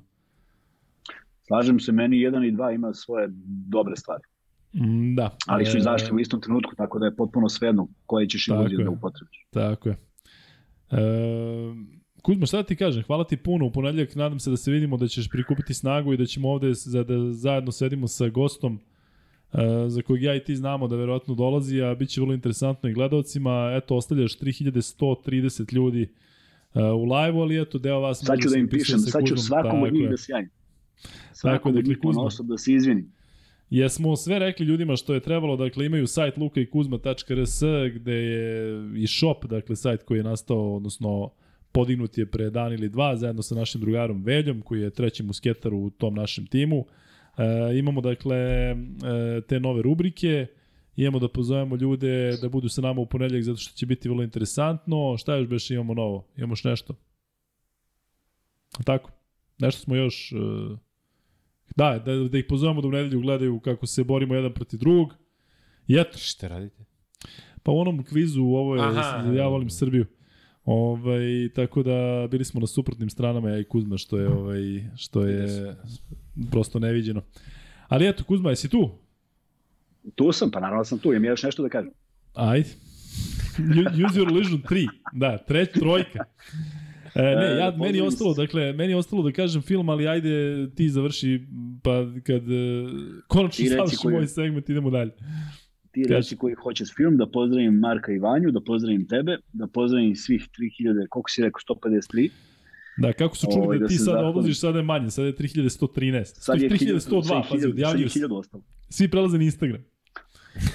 da. da pozdravim sve te ljude, da se zahvalim svima na porukama danas, da se zahvalim na divnoj komunikaciji i opet da spomenem ovih šest poručbina, ovaj, prija kada se neko za tako nešto zanima i bit će nam veliko zadovoljstvo da nastavimo s tim i verujem da ćemo nastaviti da se družimo na ovaj način koliko u ponedeljak, to jest na bolji, na onaj kvalitetniji kako smo i navikli i da vas pozdravim sve i da vam kažem laku noć. Da, tih šest poručbina je Kuzmu stvari najčudnije zato što smo mi podili sajt, nikome nismo javili u tom trenutku, a ljudi su počeli da naručuju, ne znam kako su znali da postoji uopšte ta ovaj, web adresa, ali eto, sada će verovatno biti još više. I još jednom da ponovim, Dakle, svi koji nešto kupe praktično će jedan deo dati u humanitarne svrhe, a to ćemo e, vremenom svi zajedno da e, da e, da pričamo o tome, gde ćemo, šta ćemo i kako ćemo. Tako da Kuzma, hvala ti šta ti kažem. Čujemo se posle ako budeš ovaj, još budan kako god čujemo se ujutru, tako da nadam se da temperature neće biti sutra i nadam se da si uspeo da odmoriš i bar da uživaš malo u košarci. Drago mi je da si prebacivao i na Partizan zato što znam da to nisi u mogućnosti kada prenosiš Zvezdu, a timovi igraju u isto vreme. Tako da eto, sve u svemu, tu smo, čujemo se i uživaj. Imaš još nešto, tako? Odi Kuzma, a? A nije, maš. Ćao. Ćao Kuzma. Otišao. E, ćao. Ali samo što nešto, Kuzma, šalimo se, naravno. E, da, ja treba da preporučim film, e, film, evo tu je još Kuzmica naš. E, da preporučim film, uh, to sam čak i ranije uh, pominjao ovde u našem podcastu, ali jedan od meni omiljenih domaćih filmova je Majstori, Majstori. I video sam da se najavljuje da će biti za, za vikend, da će biti u subotu na Novoj S, uh, u onom nekom prime time terminu, ali mislim da možete na Pink filmu da ga vidite uh, ako možete da vraćate unazad na Pink filmu malo malo pa, pa ga prikazuju. Tako da sve u svemu, eto, malo smo izreklamirali uh, kanale, ali e, Majstori Majstori je jedan e, fantastičan film koji je uređen u školi u Žarkovu i svi glumci, a to je naravno vrh našeg glumišta i inače u tom periodu, a i generalno, e, dakle nisu plaćeni, već je Goran Marković rekao kako ima jako dobar projekat e, i kako bi bilo lepo da, da mogu svi da učestvuju, pa ako nešto nekome donese vremenom, tako da onako radili su crca, radili su noću zato što je, što je škola naravno funkcionisala danju, ta škola radi i dan danas i eto taj film je sniman pre 40, čini mi se godin, 40 kusur godina, 1980, ako se e, ne varam i baš jedna onako prava e, crna komedija koja i dan danas, ja mislim kada, kada pogledate te likove e, i dan danas svi u svom okruženju imamo takve neke, neke tipove, ali kažem, jedan fantastičan film koji ako ste gledali znate o čemu pričam, ako niste, odgledajte odmah. I ono recitovanje e, Berčeka majstori majstori za mene lično jedan od najlepših momenata u, u, u našoj domaćoj e, kinematografiji. Aleksandru Istiću, hvala puno na, na donaciji. E, e, desi bre, Marko, nemate 100 godina, a? Evo. Evo ga, tu je Marko koji je, uh, jel smem ljudima da kažem da i ti si ovih dana bio negde na ivici da se možda razboliš i zato ti hvala što Jesam, si... Boga mi, da. I kad mi je Kuzma rekao 37 i onda si ti rekao da si nešto Jeste, blizu, to smo, neka da. komentatorska bolest. Tako je, čovječe. tako je. Pa ne, ima mnogo, ja mislim, ovaj... Uh, Ili košarkaška, viš da je u Partizanu krenula. Ovaj. Jeste, jeste. Uh, da se, da se zahvalim zaista tebi što si danas, uh, ljudi ne shvataju, ja sam o tome pričao ranije, da taj studio koji ti radiš, što treba pripremiti, pa onda imaš studio, pa imaš utakmicu, pa imaš studio i nakon svega toga dođeš u podcast, tako da bit će mi drago da pričamo o Partizanu, a ako si za... Čekaj samo da, da ja kažem nešto Ajde. ovaj, o Makabiju i Crvenoj zvezdi. Mislim, Ajde. više o, o Ne, pa Makabiju, hteo. jer ja bih volao da dođe neko ovde kod vas. Iz I ovde Makabija, sada, da. Pa može iz Makabija ili neki navijač Makabija, ali koji je onako strastveni, koji hoće da opravda ovo što, što ta ekipa ima trenutno. Dakle, kako uzmeš da napraviš tim? Pod broj jedan, kako ne nađeš trenera adekvatnog, imaš toliki novac? Ok, ranije je to bio... Mi smo danas u studiju čak ovaj, pominjao je Mića, pošto je on igrao za Žalgiris u sezoni kada ih je Makabi izbacio i uh, ne, ne, neka kataklizma se desila gde su oni vodili velikom raz 2000 treća, druga, nisam pažljivo pratio. Kad Na su ono čas. poslednji sekundi kada su prokucali, Jeste, tako, jeste, da. minut, to, je, to, su, to su neke ne, ne, neverovatne stvari gde ih je vodio čovjek Pini Gershon, dakle, jedan od najboljih trenera Evrope. Pa je posle došao David Blatt, jedan od najboljih, najboljih trenera Evrope, čovjek koji je radio sa Lebronom, jeli, u NBA.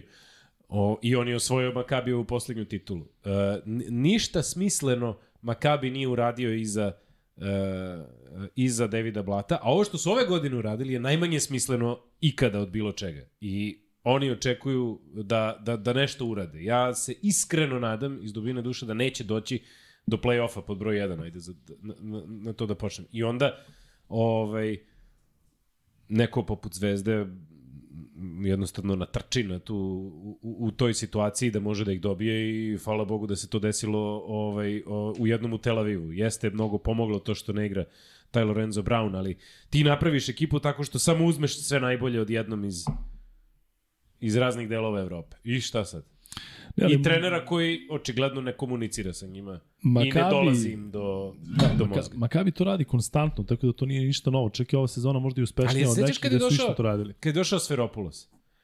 Trener koji insistira na, na odbrani i počeo da insistira na odbrani u Makabiju. Šta je, koga je digao, ako se dobro sećaš? Jovel Zusman je počeo da igra kod njega i Deni Avdija. Nije mnogo, brzo je Deni otišao u NBA jer, jeli, takav je igrač, talenat je, ali je on iz, iz toga izdi... Makabi bi sigurno išao do uh, play-offa u korona sezoni. Oni su tad bili materijal za za play-off i Final Four. Oni su uvek materijala za play-off Ne, ali, i Final ali Four. po igri su tako izgledali, yes. jer su bili u vrhu tabele. Iza toga, prošle godine, sramota što su došli do Final Four, do playoff. Znaš šta, iskreno da ti kažem, mislim da si dobro počeo i da si na početku rekao da oni e, nemaju, e, nije srazmeno to što rade sa igračkim kadrom i onda nađu trenera za koga uglavnom insistiraju da je domaći. Dakle, Pini Gershon je tu bio I to je dobro. okej. Okay, Pa je, ali znaš šta, kada dovedeš toliko stranaca, šta će ti onda domaći trener? Dakle, ne, ne, ne razumem to, uh, Pini Gershon, pa David Blatt, što kažeš, dobri su treneri, onda Svaropoulos koji je Grk, I on je štrčao tu, je Jest, štrčao. Trčao je, ali, ali Kataš je, e, nekako se ne uklapa, Kataš čini mi se nema tu emociju da znaš, da u jednom trenutku uzme pa da drekne, on ima onu neku facu, onako Ma samo ništa. iskrivenom, znaš, dakle, on je bio odličan igrač i zaista je e, dobio priliku i u Panathinaikosu, vodio neke izraelske timove, dakle, nije, nije ništa sporno, ali mislim da bi jedan ekstra trener, e, kad govorimo o trenerima ekstra klase, govorimo o onima zaista najbolji. Dakle, poput um, Obradović Ivanović i treba da budemo srećni što su sada u domaćim klubovima. Ali mislim da bi to možda bilo ključno da ti, ta grupa koja onako deluje prilično uh, nefunkcionalno, da bi trebalo trener da ih uklopi. A Kataš mi ne deluje kao taj tip. Čak mislim da je, da je Makabi možda i, i iznad očekivanja odigrao ovaj deo sezone prvi da mogu samo da idu Ja sve, idem. sve, ne sve znam gori ra, u stvari znam njihov raspored, da, da očekuju Bayern e, u sledećem kolu. Jeste, ali vidiš, i on, njih, njih isto nosi publika. Zato je ova zvezdina pobjeda, ja mislim, jedna od najvećih ove Da, da, da, sezone, da. ne samo zbog tajmega kada, je, kada, kada su je kada su je stvarili, već vidio si sam, taj Wade Baldwin je fenomenalan napadač, mi smo ga najavili u prošlom podcastu kao nekog ko će napraviti naravno najveće probleme Crvenoj zvezdi, dakle čovjek koji bukvalno može sam da dobije utakmicu, toliko je moćan napadački, a kada hoće da igra odbranu i kada je vrlo agresivan, defanzivno je takođe, takođe odličan. Tako da sve u svemu, Zvezda je pobedila jednu ekipu koja je važila za strah i trepet na svom terenu i ovo što je Kuzma rekao, uspeli su da ih ubace, ubace u svoj ritam i drago mi je što je baš Zvezda prekinula tu njihovu seriju, zato što mislim da je možda i bilo nerealno da oni imaju kod kuće koliko nekih, devet... Pa e, ne znam, od Barsen, da. Mnogo, Jednu su samo mnogo, izgubili da. kod kuće i, i, i dosta je toga bilo pod broj 1. Mislim, evo, po, poredi ih sa ovim Bayernom. Ne kažem ja da je Bayern bolja ekipa, niti su... Sigurno nisu talentovaniji od, od, eh, od Makabija, ali tu postoji ne, ne, neki smisao svega toga. Znaš koga će Trinkeri tu da dovede. Ima, ok, ograničen budžet, ali sve to što, što je u Bayernu ima neku glavu i rep. Ovde ni za šta ne možeš da uhvatiš osim za Lorenza Brauna i Vejda Baldwina. Pa, mislim, Ima dosta pitanja. Prvo da uh, odgovorim Ivanu, mislim da će se teško tu bilo kakvo poverenje vratiti. Dakle, sve su to poremećeni odnosi Ivane. Dakle, ne mislim samo na relaciju Zvezda Partizan, već uh, vidiš tu šta je KLS, KSS. To ni ranije nije funkcionisalo. Sada kada je ulog veliki, mislim da će tu tek biti problema. Nadam se da grešim, ali uh, sve o svemu nije ni bitno ko za koga navija. Dakle, tu će uvek uh, oni koji su naklonjeni jednom timu uh, da imaju neke svoje argumente i neke svoje ideje zašto se neko gura i zašto se nešto radi, tako da ja kažem, ajde da budemo svi jači da, da u toj Euroligi, u top 8, ako je moguće imamo dva predstavnika i da neke naše ovde probleme svedemo na minimum. Marija, javi se da si još tu, vidim da se odjavljuješ, nemoj Marija, ako ti odeš, odmah gasimo podcast, tako da, da nema šta. E, ajde da krenemo od navijača, e, Marko, dakle, Partizan je imao e, domaćinsku atmosferu Pa, u, da. u Minhinu. E, I to nije prvi put. Sećam se da i prošle godine u Evrokupu, sećaš se prva utakmica Hamburg, protiv da. Dakle, to je, ja mislim, bila još, još, još uh, luđa atmosfera. pa nema šta, ovaj, uh, kada igraju srpski, grčki i turski klubovi u, u, Tako je. u Nemačkoj i Francuskoj, apsolutno ta dijaspora dođe do izražaja i Ali akcent i, ipak na srpskim i turskim. E, To je baš onako, ne vjerujem da Grka ima baš toliko koji vole. Ima kako ne, Ima- da, i dolaze na Olimpijakos. Pa, Panathinaikos ne, Pa ali to, Olimpijakos, da. ako, ako, Da. da. ako sećaš, baš bude u, u Minhenu posebno. Ali Tur, Turci u, Turci. u Nemačkoj to... je I Turci, na primjer, da igra Efes, ti dođeš yes. sa. Fenerbahčevim dresom ili Galatasarayovim i to je sve Da. u redu, mislim, to je, to je tako tamo. Ali ovo je baš videlo se da je, mislim videlo se, pisalo je crno-bela dijaspora iz, ispred eh, tog eh, dela tribina i uh, meni je nekako sve vreme dok sam i komentarisao utakmicu i onda sam morao i to, mislim i dva po tri put da kažem. To su ljudi koji odande prate Partizan, jeli, putem Eona, nalaze streamove, otkud znam kako već sve pokušavaju da, da dođu do, do, do košarkaških utakmica i onda odjednom im dolazi Partizan. Oni su ovo planirali mesecima una, unapred, nedeljama unapred i e, sigurno još sad dolazi Partizan u ovakvoj formi, dolazi e, dakle u, u, u njihov komšiluk tu i njima je to ono, situacija jednom ili dva put za godinu dana da, da mogu da, da, da, da, da se tako provedu, da tako podrže svoj tim i onda naravno da su oni onako bili tu ekstremno glasni. Meni je tu onako nije mi žao nemačkih navijača, ali baš su bili onako u čudu jer uništeni u svojoj svojoj hali onako Da, nema, nisu nema tu navikli, ništa da. da, znaš, od, od nekog navijanja, od neke podrške. Znaš kako Nemci navijaju, oni imaju onaj da onaj stil da uh, daju neki ritam pa dok Jeste. ne bude prvi koš valjda ili tako nešto. Mislim to je neki njihov način, sve je to u redu u Euroligi, postoje sve ti neki folklori, svaka ekipa ima nešto svoje, pa Partizan ima tu himnu, pa ne znam, Žalgiris peva se isto himna u Izraelu isto. Nemci nešto nisu preterano uh, uh, specifični, a večeras baš se to onako... Da, prosek godina u nemačkim I halama to. je onako prilično viši u odnosu na, na ostale evroligaške dvorane. Um, Bio je Bastian Schweinsteiger. da, videli smo i ne znamo za koga je navijao. Pa, Nekako, češće dolazi na Partizan nego na Tako je. Bayern, čini mi se. Da.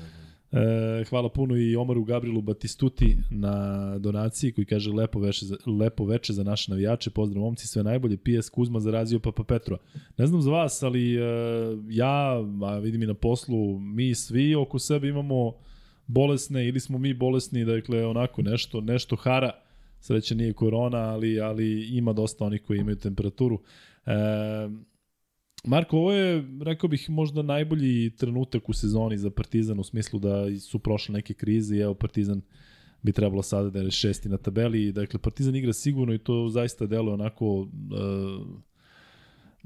dosta moćno, dosta dobro. Kako tu tebi deluje iz te komentatorske pozicije? Pazi, samo je falilo ovo sa virusom i sa, sa, sa, da se to raširi i, i u pravom trenutku dolazi ova, ajde da kažem, pauza od, od Evrolige i prilika malo da se ovaj da se svi oni ti bolesni igrači da se da se oporave. Dakle prvo je Papa Petru bio igrač koji je bio u autu i uh, ako neko nije uh, slušao studio posle utakmice, koleginica Lukić je rekla da nisu bili 100 od 100 uh, Ledeji, Smajlagić i Trifunović, što na njihove minutaži manje ili više se nije videlo. Uh, Ledej je jedini igrao uh, danas, koliko igrao? Jedno 20 minuta, to je osetno manje u odnosu na njegovih 30 i kusur. Uh, a i videlo se da, da onako da, da, da nije baš da nije baš mogao. Uh, iz moje pozicije nekako ovaj e, e, sad malo će ovaj to zvučati možda i nadmeno, ali ide kao da sve iz aspekta navijača Partizana, da sve to onako ide previše sada po, počinje postalo je rutina. Da. I Stvarno protiv tako. Asvela, i protiv Žalgirisa, i protiv Bajerna. Ja sam ovaj, sad u studiju rekao ovaj, uh, Mići Beriću da, da uh, fali, fali onako kad je već utakmica ovako dobijena ono, 5 minuta pre kraja ti vidiš da je kraj. Nećeš kao komentator reći je ovo je gotovo ljudi.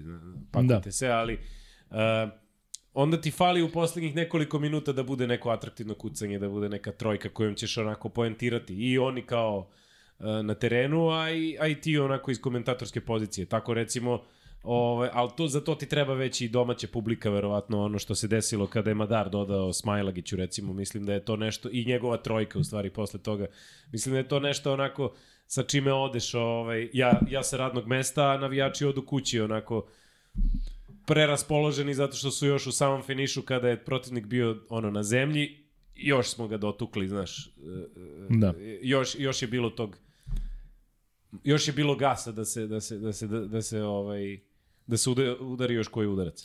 Dobro, i ti si prolazio isto stresne situacije u kabini, bila je ona serija kada je Partizan gubio mečeve, neke čak onako da kažem lako, a neki u onim završnicama kada se nije snalazio.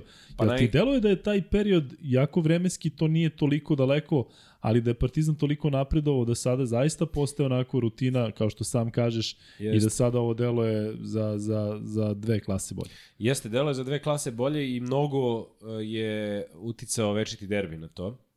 I u večitom derbiju su se desile neke stvari da neki igrači koji su počeli da lutaju, a mislim da je lutao Ledej u nekim momentima, Jeste. e, i da onako pre, pre, pre uh, o, opao je kod njega tonus, negde je bilo priče kako preko njega idu, ide dosta poena, da je on u, tu, u tom nekom plus minusu, da da je, da je tu u problemu, pa je onda nestao Naneli baš, baš dugo, bilo je utakmice gde Naneli nije ulazio uopšte u igru evroligaških utakmica, Da, ne Aba Liga. Makabi ili već šta. E, da, možda čak bila i neka koju je Partizan dobio, onako recimo, da, da. da, da se Naneli nije pojavio. Ali onda je e, večiti derbi e, okrenuo situaciju što se Ledeja tiče, što se odbrane Partizana tiče i jednostavno cela ekipa je shvatila, e, mi ovo možemo da dobijemo kada, kada se igra na strani.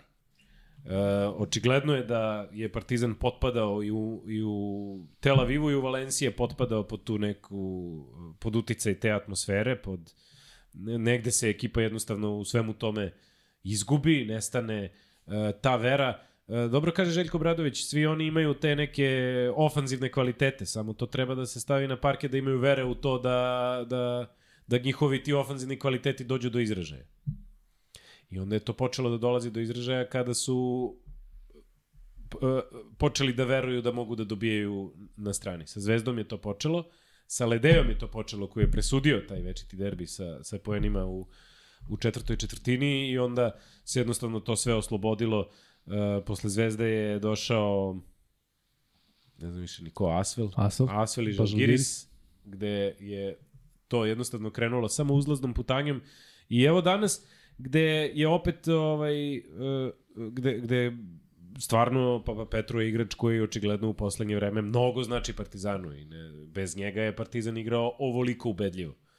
Uh, jeste malo imao možda Partizan sreće u onom prvom poluvremenu da, da je Bayern malo promašivao otvorene šuteve, da budemo iskreni da, to, da se to dešavalo, da je imao Bayern dobar protok lopte, pravio šuteve, ali onda kad to već nije iskoristio, Partizan je krenuo da da, da, da, da, da to kažnjava. E, Marko, koliko, e, eto sam kaže da nije igrao Papa Petru, ali ranije se dešavalo da kada tako neki igrač fali da se to baš primeti. Takođe kada neki igrač nije u ritmu da onako povuče ekipu sa sobom. Sada ne primećujemo te neke loše, loše momente, dakle jako dobro se dopunjuju jedni drugi. Da se razumemo, Bayern nije ekipa koja, koja je neki strah i trepet u Euroligi, i oni trenutno igraju bez Lučića koji je alfa i omega tog tima. Pritom je i Hunter, Huntera, da. tako je, pritom Ops koji se igrao- vratio, uh, nije igrao ni Harris, koji je opet bitan u rotaciji, a pritom Ops koji se vratio, vidio si da je onako prilično uh, u kontraritmu što se, što se i očekuje od I nije igrača. igrao koji- ovaj mali Cassius Winston.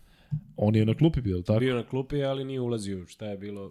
Ali svejedno, Partizan kao ovakav, da li misliš da bi bilo nešto drugačije uh, da je Ban bio i komplet, kompletan i sve? Zato što zaista deluje Partizan da sada ubacuje, kao što je Zvezda ubacila Makabi u svoj ritam, da Partizan ne razmišlja toliko u protivniku, ne govorim da se, da se radi loš scouting, nego jednostavno Partizan igra svoju igru i u stanju da se adaptira kada neka ekipa uh, krene, krene sa, sa svojom igrom i da jednostavno jako dobro kontrolišu većinu utakmica. Jeste, i Partizan je e, imao situacije u kojima je stvarno bio u krizi u više, situa e, u više momenata.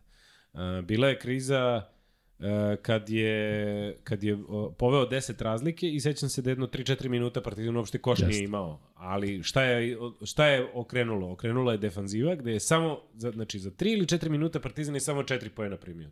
Pa, Da, valjda je to okej. 41-35 u tom trenutku, ja mislim da govoriš o tom periodu. 45-35, ide timeout Trinkerija i onda su oni, da, vratili su na, na minus 6 i ko uzima loptu, uzima Dante Exum. Znači, postoji eh, kada, kada je već do te mere došlo da, da nema da nema rešenja, uzima loptu Dante Exum, kontakt, faul, dva slobodna bacanja. To je sve što ti treba, ali e, e, to je i najpotrebnije moguće u tom trenutku da stigneš do to, tako nekih lakih poena.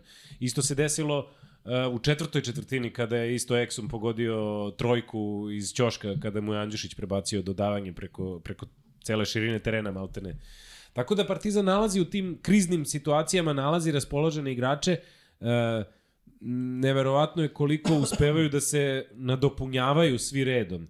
I Panteri recimo sve poene skoro dao u, prvoj, u prvom poluvremenu. Ne, nije ga bilo u drugom, do poslednje četvrtine, nije ni bilo potrebe da ga bude, jer je Partizan imao Nanelija, insistirali su da nađu Lesora dole, koji je danas imao jeli, olakšan posao, jer Hunter nije igrao, našli su ga na kraju kad je Lesor napravio ono što obično radi, ja mislim da je tu ovaj, bio i kraj. Da, ali vidiš, to o čemu pričaš, ja mislim da je jako bitno, zato što ranije, pritom Panter je odigrao, sam kažeš, odlično prvo polovreme, ali uh, ranije se gledalo Pantera i svi ostali su čekali da vide šta će on uraditi sada i on sam, čini mi se, malo uspeo da, da se iskontroliše Jest. i zna se ko ima koju ulogu u timu, dakle Panter više nije taj kome će ići lopta u ruke po svaku cenu, šta više, mislim da je on sada jedna od treća ili četvrta opcija, ako se već nešto lomi, jako su neki bitni momenti, verovatno i zbog toga što je u jednom delu sezone pokazao da u tim momentima nije baš, baš da. najpouzdaniji. Ali video si kako je otvorio utakmicu yes. gde je sve polu distance Tako. pogađao. Pa eto, u te toj distanci distance, govorimo, da. On Da. je ranije forsirao šut za 3 poena i šutirao preko ruke, sada gleda da priđe bliže košu i to delo onako e, mnogo, mnogo sigurnije nego ranije. Panter meni ovaj, izgleda, to ovako razmišljam, uh, kao kada, mislim, Panter uzima šuteve u poslednjim sekundama. Mislim, kad je već tako Da. napad loš, kad je odbrana dobra, onda će Panter uzeti šut preko ruke za tri poena. To je ko korektor u odbojci, znaš. Desi, desi se loš prijem, dizač mora da digne tešku loptu sa, ne znam, šestog metra, Da. da će korektoru. Zašto? Zato što je korektor ima najmoćniju ruku da osvoji poen. To je moja mala kratka lekcija iz odbojke. Ali, znači, Da kada se je... zadržimo još malo u odlici, da uđemo u neke Vidio sam da je Andrija taktičke. Gerić sede ovde. Jeste, da bi je kod Mileta. Da. Ovaj, uh, on je srednji blok, nije korekt. Ali, znači, lopta ide Panteru koji je kao korektor u odbojci, dakle dobija, mislim, e, to je rezonski šut i rezonski, rezonsko razmišljanje da daš njemu kao i kapitenu i kao možda najboljem trojkašu u ekipi i nekom ko može zapravo najbolje da šutne loptu preko ruke, uh, da, da ovaj, da on proba u tim poslednjim sekundama. I naravno kad je šut otvoren, kad se pravi akcija za njega, naravno da će da uzme. A dešavalo se jeste, kao što sam kažeš, da je imao te neke ovaj, nerezonske šuteve, sada je to već jako dugo vreme uvedeno u, u jedan Pa čak i kada Panter ne uzima, ja, ja u večitom derbiju nisam video da je Panter igrao lošu utakmicu. On je završio nešto sa šest poena, ali uh, mislim da je imao najveći plus minus i da je sasvim korektno odigrao uh, sve neke stvari koje nisu imale veze sa, sa poentiranjem. Ako neki drugi igrač raspoložen, pa tvoja uloga je da da, da, da prepustiš loptu i da i, on, nije tvoje vlasništvo, je li? To, to, to je on Jedno već delo- odavno mislim shvatio. Da, jedno, delo, jedno vreme je delovalo da zaista ćemo se teško ovaj, spasiti Pantera koji onako voli malo da i privatizuje neke stvari, ali očigledno da ga je Željko smirio nekim utakmicama kada je u završnicama bio na klupi. Pa ga je onda Jeste. jedno vreme vratio i on je dobro odreagovao na to i sada je tu onako da kažem ne iskače, a, a opet spreman da, da uradi šta je Ja potrebno ekipi. sećam baš jedne situacije, nije bilo mnogo situacija u kojima je ovaj, Obradović bio ljut na njega, ali jedna situacija je bila da je e, Partizan je kod kuće igrao, dobio je na kraju tu utakmicu, da li je bio Bayern, ali nije bilo naivno, znači nije bio Monako sigurno, ali je Panter šutnuo neku trojku posle 5 sekundi napada. To se u Partizanu ono redko dešava u ovoj sezoni, gotovo nikad. I ne znam da li je bila i čak i ko, trojka iz kontre. Odmah ga je Obradović izveo i baš je onako bilo oz, o, ono, ozbiljnog kako da nazovem to, ribanje neću, ali ozbiljnog zameranja. Grdnje, da, Grdnje, da, da. da. Ne možemo da, Grdnje zato je što je ono... Ja mislim da je od tog momenta ovaj, da, se, da se tu negde prekopču. Da, Ili je to bio jedan od momenta, ajde sad da ne. Ranije su ljudi zamerali e, kako Obradović nema isti odnos prema svim igračima i kako recimo prema Evo. Panteru čak možda i Da. ne sme da, da se odnosi tako da mlatara rukama, da, da već onako Obradovićevski odreaguje na neke loše, loše situacije. Ali ti si primetio to, ja sam nekoliko puta shvatio da jednostavno mm, nije tu neka razlika. Jednostavno možda je Panter takav tip da ne bi možda dobro odreagovao na tako nešto. Pritom ne radi Ne se o mladom da igraču znamo. i domaćem igraču. Opet sa druge strane i kapiten. Ali sve u svemu bilo je tih momenta kada Panter, što kažeš, sam dobije ribanje. Jeste, ja se ovog baš sećam i pre neki dan sam našao i fotografiju sa, ovaj, sa, tog, to, tog ribanje. Izveo ga je Obradović sa, sa terena, jeste, i to je bilo ranije. Za, zašto uh, Smajlagić na prvu grešku izlazi Da, napolje, da, zašto da. Trifunović na prvu grešku izlazi A, ovo napolje. se Ovo je bio toleriše, da. Panterov prvi nerezonski šut na toj utakmici, odmah je išao napad. A setimo se 0 od 10 u baru, gde je Željko rekao, taj svaki šut je bio rezonski. Da. E, nemojte zameriti što nismo išli pojedinačno po igračima što se tiče Crvene zvezde, ali Kuzma je ipak e, ajde da kažem neko kome, kome treba malo i odmora i e, bit će prilike da to nadoknadimo, ali što se tiče Partizana igraćemo opet u igru, dakle, ići ćemo po igračima pojedinačno, ali pre toga da te pitam, Marko, kako ti generalno deluje atmosfera u timu, zaista deluje da sve funkcioniše, svi su nasmeni, da. nema one neke e, panike, nema nekog besa kod pojedinaca, nema nekog odmahivanja rukom, nije ni toga bilo ranije u ne znam kakvoj meri, ali često onako spuštene glave, e, face koje koje su onako namrguđene sada baš se deluje da baš deluje da se dopunjuju pa da se da se podržavaju. Jako dobro već neko vreme. E, mislim da tu prednjači ispred svih Matijas Lesor. Absolutno. Da je to ovaj momak koji ovaj e, pleni tom energijom Ja ne znam, on, on kada, kada završi utakmicu, on najviše voli to da ode kod, yes. kod navijača. Znači, ono, to ti je ko kad završiš, ceo dan radiš, umireš od posla i dođeš kući da popiješ pivo. Je tako Lesor kad ode da... Mislim, da, da... dobro igra samo zbog toga da, znaš, ne bi to došlo u pitanje. U stvari, e, danas da... sam rekao, zna, e, pošto Uh, I tu sad moram pomenem koleginicu Luki, zato što ovaj, uh, izjave posle utakmice daju dva najbolje igrača. I u Beogradu je i u, u stvari na svim mečevima je to jedan od te dvojice uvek Matijas Lesor. I sad, uh, on dakle dolazi da da izjavu koleginici Jeleni Lukić, pritom ne, ne daje izjavu u sport klubu, on daje izjavu u Euroligi, to je, to je obaveza. Ali on ga jednom četiri pitanja pitala, a on želi da ide vamo. da, da, da. da. E, onda treba Matijas Lesor jednog dana da ovaj, bude treći najkorisniji igrač i onda da, ovaj, da ne daje izjavu. Ali ne može, Matijas Lesor mora da bude jedan od najkorisnijih u Partizanu ovaj, e, mislim da, da i Partizan tako jednostavno ovaj, i, i živi od tih njegovih uh, i poena i njegovog rada na terenu i ofanzivnog i defanzivnog i, i tako će se i nastaviti. Ajde da krenemo od njega. 16 poena i 7 skokova za 32 minuta na parketu, 509 e, za 2, 609 sa penala. E, dve izgubljene lopte, sjajna energija kao i obično. Da li misliš da Lesor može da nastavi ovako i da celu sezonu iznese u jednom tom ritmu u kojem je praktično od, pa od, da. od prvo, prvo Pa da, ovo je godina života za njega i ne, ne, mislim da ovaj, on, on samo ovako može da nastavi. Danas je imao olakšan posao jer nije bilo tu Tela Huntera, što znači da Bayern igra sa Gillespijem jedinom peticom, gde je Rubit pokušavao da bude pet. To Gillespie je Marko baš ne ide, a Gillespie, Gillespie je isto tako, da, da. To, to, po to, svemu to i po energiji baš tvrdo onako koliko je koliko je Lesor mislim, sigurno u sebe mislim da Gillespie u svojoj prvoj sezoni u Euroligi onako baš igra ispod mislim, ispod mi da se trudi vratio sam Bayern često ali ne to nije to još Ove, ali onda je to Lesor sve morao da koristi. E, nije mu išlo u početku i stalno on se mnogo iznervira kada e, je fauliran, a lopta ne uđe u koš. Ono, e, mili po obruču i na kraju ispadne. To se bezbroj puta dešavalo. Uh, u ovoj utakmici je tek onako probio led u trećoj četvrtini, tad je uh, imao, zaređao sa nekoliko poena i, i kada je Partizan kroz njega našao igru, kada je kroz njega našao poene, onda je i, i Bayern bio sasvim ovaj, gotov. Mene jedino zanima sada jednog dana, to sam baš ovaj, i Miću pitao u studiju s obzirom na to da je bilo nekih snimaka kako Obradović dodaje loptu Lesoru da šutira za tri poena.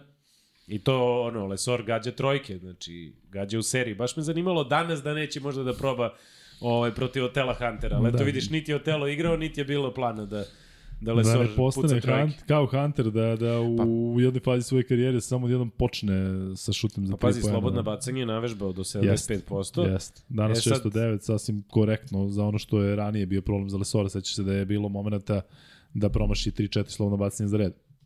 Sada, ne, očigledno da je on e, mentalno sada na potpuno drugačijem nivou i kao što kažeš godina godina karijere za njega, dakle on apsolutno uživa u svemu, dobro se osjeća, fizički je spreman i, i kaže, meni je samo e, pitanje da li može tako da izdrži sve vreme, zato što će odbrane sve više da obra, obraćaju pažnju. I obraćaju veš, e, protiv Žalgirisa je bilo mnogo, je, mnogo čudnije. Sve se, da, sve, se, sve ali, se skuplja i provociraju ga bukvalno. Tu sad uh, može da dođe do izražaja i njegova svest, sad vidjet ćemo, to jest njegov kvalitet, sad vidjet ćemo koliki je da doda loptu iz te situacije gde je udvojen ili čak utrojen. Jednu do, jedno, ja sećam jednog pasa protiv Žalgirisa bez gledanja da je otišao daleko su mu da. tako nešto. E, da se vratimo kratko na Kevina Pantera i da kažemo da je on danas bio najefikasniji 19 pojena 5 od 8 za 2, 1 od 2 za 3, 6 od 6 sa penala. dva skoka, jedna asistencija, bez izgubljen indeks 19, međutim ono što meni, eto da kažem, najviše onako znači u odnosu kada pratim I kada sam ranije pratio te statistike Partizana, dakle bez forsiranja šuta za tri, dakle odlučio je da priđe košu i to je ono što je i za njega i za Partizan dobro. Bila je jedna trojka ovaj, e, preko ruke, to je neka trojka u drugoj četvrtini gde je Partizan bio u krizi. Ona bez bila koske koju je dao, tako? Kako? Miš ona Da, koju je postigao, da, da, da, da, da. ono sa pa jednom 8 Mislim metara od da je koša. to bila, da. da, ovaj, preko ruke. Ali moguće i da je, sad ne mogu se setim tačno napada, ali moguće da je to bila trojka ovaj, koju a, pa nije moglo ni, ni, ni, ništa drugačije da se, da. Da. da se izmisli iz tog napada. Ali opet jedna rezonska, rezonska igra, dakle kada je jasno bilo da, da neko drugi tu može da preuzme što se tiče poena, ono, on kaže, momci izvolite i to su bili naneli Lesor u trećoj četvrtini kada Panter recimo nije imao poene. Vratio se u četvrtoj četvrtini maltene samo da, da, da dovrši posao. Ali zrela igra, dopadaju mi se ti njegovi šutevi iz polu distance, gde, ne znam da li si video, ali Partizan jedini je počeo da da vraća zapravo polu distancu u modu, jer polu distanca je ono, najgori šut, šta će ti to? Znači, ili ideš do obruča ili ćeš da probaš za tri poena. Polu distanca donosi, jeli, kako kažu, preveliki rizik. Da. I ne znam, Real, na primjer, uopšte ne šutira polu distance. Partizan je među timovima koji to najviše radi. Da li, rekla je Euroliga nešto, 37% recimo napada, da, da 37% šuteva su ti skok šutevi koji su duge dvojke zapravo. I tu je Panter najbolji. Da, prilazimo hiljaditom lajku i onda ćemo da ispucamo drugi free bet. E, Oni treći, znate da je ne košarkaški, ovaj drugi će biti vezan za Partizan. Meni uvijek gde je Panter, tu i Ledej, ne samo zbog toga što su oni i sami kažu toliko bliski i dobri drugari, e, već zato što su dali taj jedan intervju koji često pominjem. Dakle, to je bilo u trenutku kada je ove sezone, ne znam da li si video, kada prenosimo Euroligu, pa onda u, u, u polovremenu puste priču sa nekime, ovo je bilo sa Ledejem i, i, i Panterom, i govorili su kako su iz tih različitih sredina, ali kako se dobro slažu i bla bla bla i onda je Panter rekao, i mislim da je Ledej to izgovorio na drugi način, ali kao tu smo sa najboljim trenerom i tu smo kao da idemo do kraja da uzmemo titulu. To u tom trenutku je onako delovalo prilično čudno zašto je Partizan bio možda 15. na tabeli. Sada ja mislim da oni zaista veruju to i da to nije nešto što sad da treba ja ovde u sred sezone da ubacim uh, ljudima i navijačima u glavu, ali Partizan zaista deluje, deluje moćno. I e, njih dvojica, njihova ta hemija je dobra i ono kada smo pričali malo pre kako neki igrač kada padne, kako se to ne vidi. Recimo Zekle da je danas imao samo dva poena, to je ono zakucavanje kada mu se vratila lopta u ruke. Dakle, jedan od četiri za dva, tri skoka igraju 20 minuta, međutim ne primeti što, zato što Partizan tokom cele utakmice drži jedan nivo i pada samo, kao što si rekao, e, e, ima te krize kada protivnik jednostavno ne iskoristi to na pravi način. E, apropo toga da, za, za titule i slično, ja mislim da tu malo postoji možda i neka razlika u mentalitetu ovaj, gde domaćeg igrača ne bi mogao da nađeš da, da, da priča na taj Tako je. način. Ali e, strani igrač kaže sebi, što da ne? Ne samo, ja mislim da ne, oni i, i, da. ne, ne mislim ja da oni nešto kao za, zaista to misle. Svestan si nekih svojih kvaliteta, svestan, znaš te ljude oko sebe, znaš na Pritom su njih dvojica zajedno su igrali Final Four uh, Tako sa je. Armanijem, tako da nije to za njih nešto sada gde nikada nisu bili u sličnoj poziciji. Dakle, Da. njih su dve utakmice dele da. titule sa timom koji ajde drugačiji u odnosu na Partizan i to je bila ona korona sezona, tako da nije možda za poređenje, ali jednostavno kao što kažeš, kada dođu tako skupi igrači i takvi kvaliteta, valjda se podrazumeva da ideš da, Da, da, da, da, da. su ciljevi najviši. Još posebno Uopšte- kad imaš takvog trenera. I uopšte ne treba, ovaj, mislim, ne mogu ja sad ovaj, takođe da, znaš, jednostavno nismo mi ovde vaspitani tako Naravno, da, da, da, sad meni- meni pričamo kako Final Fouru, je. razumeš? I mnogo je, mnogo je posebno pošto ovaj Partizanu se Final Fourovi dešavaju na, na, jed, na jednu Da. deceniju, znaš, a titule, mislim, ono, ima, postoji ta jedna. I, i, I mnogo je teško o tome uopšte i maštati u zemlji Srbiji. Ovaj, da, da postoje uslovi i da postoje financije, verovatno bi Partizan i Zvezda bili mnogo češće u vrhu evropske košarke, ali oni jednostavno za te stvari ne znaju, oni vide ono što je sada, u ovom trenutku i u ovom trenutku vide da im je tim prilično moćan. Za Zeka Ledeja si me pitao, on je jedan od igrača koji je da, danas manje igrao zbog tog, tog virusa, ali uh, prosto i drugi igrači su tu, tu doprinili. Ne znam kako bi izgledalo da je Bayern imao kompletan roster i da da je imao ovaj da je adekvatno bio potkovan na poziciji 5 ko bi tu onda Ledeja menjao pošto to je uglavnom Papa Petru, danas je Trifunović bio na četvorci, ako se ne varam, čak i Naneli. Mm, Tu je i Bayernova bila onda niska petorka, jednostavno i oni su imali iste, iste neke te slične probleme na tim pozicijama, ali ovaj, mo, mislim, momku svaka čast, ovaj, znaš, kao, probaj da igraš sa temperaturom. Ne, ne znam šta je u stvari Jeste. posredi, ali Da nije 100% spreman, to se videlo. Da, videlo da, da. A opet da ne može da igra, ne bi čovek došao. Tako to je. važi isto za, i, za, i za Huntera i za, i za sve igrače koji su nisu igrali. E, imali smo ove sezone u Partizanu dosta igrača koji su oscilirali. James Nunnally, ti si sam rekao jedan od njih, međutim meni se čini da kako se Nunnally podigao, da se tako i Partizan podigao. Dakle, on je prošao jednu krizu. Nunnally danas 15 pojena, 3 od 3 za 2, 2 od 3 za 3, 3 od 3 sa penala, to podsjeća na onu njegovu sezonu iz Fenerbahča, da ne poredimo to kada je bio u Italiji, kada je bio MVP Palakanestra, zato što nije, nije isti nivo, ali Naneli postaje onako ozbiljna snaga Partizana i postaje praktično ono što su i navijači očekivali kad je potpisao za klub. To je meni uh, jako drago, ja koliko se sećam njegove igre u Fenerbahčevu, a koliko ima sad to već, četiri godine, Da. on nije toliko imao loptu u rukama da nešto dribla, da, Da. proba polu distance, da asistira, više su to bile akcije gde on gde je crtano za njega da on ostaje sam. Pa nije ni u Dakle- Makabiju bilo mnogo drugačije. Znaš, i u Pa Makabiju on nešto više čeka. postu, Da. pa ovo ono. Ali u Feneru kod Željka se, ja mislim, znalo što se njega tiče, da se za njega pravi ovaj, situacija da, da ostane sam na trojici. I tad je šutirao čovek 50% celu sezonu, zato su i uzeli titulu između ostalo. Mislim, im, ima gomila razloga zašto su uzeli Da. da. titulu, ali uvek su mogli da se oslone na njegov šut. Jeste. E, Kad ti sada, da sad u Partizanu može isto tako da se računa na njega. Može, jer ajde pogledajte koliko je on i pre ove krize, e, ja sam verovao da će da se vrati on, ne, ne, ne, nema, nema kud nego da se vrati, ali e, pre krize je imao trojku protiv Efesa, imao je trojku protiv Fenerbahča. Sad je imao, znači Partizan koliko dana zao, četiri trojke, ništa, ništa specijalno, ali njegova ključna bila trojka jedino u drugom poluvremenu koja je, koja je ušla. Uh, I Naneli, uh, što se meni sviđa, poč igra na, i on šutira te polodistance, i on spušta loptu dole za Lesora i to radi jako dobro. Dešavaju se neke situacije gde, gde njemu beže lopte, ali ovaj, više to mislim da je onako sve manje. I jeste njegova igra eh, digla Partizan zato što kad pogledaš neke mečeve u kojima se on nije snalazio, a Partizan gubio, tačno je onda falilo, to su bili ti njegovih 10 poena koliko od njega očekuješ. Dakle, evo, sad Partizan je za tih 10 poena tu. A, sledeći igrač e, o kojem ćemo pričati, to Kuzma voli, tako da, da mi skrenem pažnju da uvek kažem to. E, sada sam se naravno da. našalio.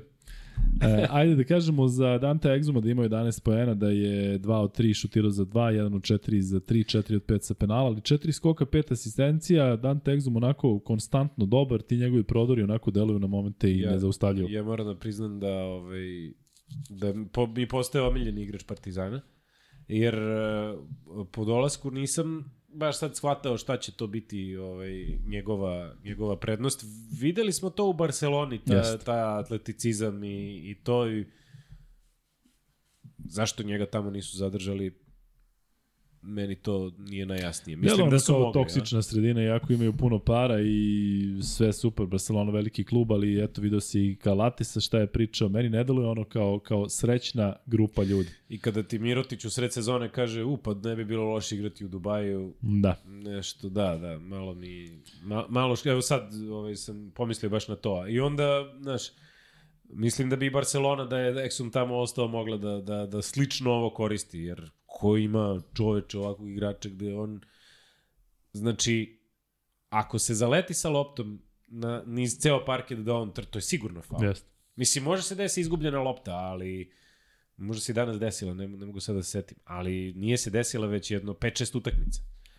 Njega stvarno niko ne zaustavlja ovaj, rampom, ti, on ti krene tu u dribling, to je to. to. Ili ćeš da praviš faul na vreme, ili će da ti da koš.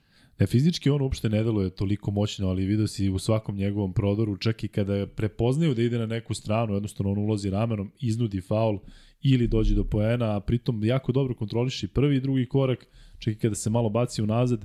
E, uglavnom smo pričali o tome da on ide u, na tu desnu stranu, međutim sada mi se čini da onako malo i kombinuje, da je spreman da završi levom rukom, da dobro prati situacije i što kažeš, postaje onako jedan od omiljenih igrača, možda i, i, i neko ko ajde da kažemo, najviše, kada, kada se rešava utakmica, ja mislim da bi najviše, da si trener ili da se navijač ili šta god da si, da bi više volio da bude lopta njemu rukama e, nego, nego Panteru ili kod nekog drugog igrača koji možda nije toliko toliko siguran i ja sam ranije če govorio da je meni uvek ta opcija uh, egzum na prodor ili ledej da onako igra leđima pa onda jednom rukom da, da izvuče, to mi nekako deluje naj, naj, najbolje. Ali si negde ovde sigurniji zato što je lopta jest, tu, znaš, jest, ovaj, jest, pa, jest.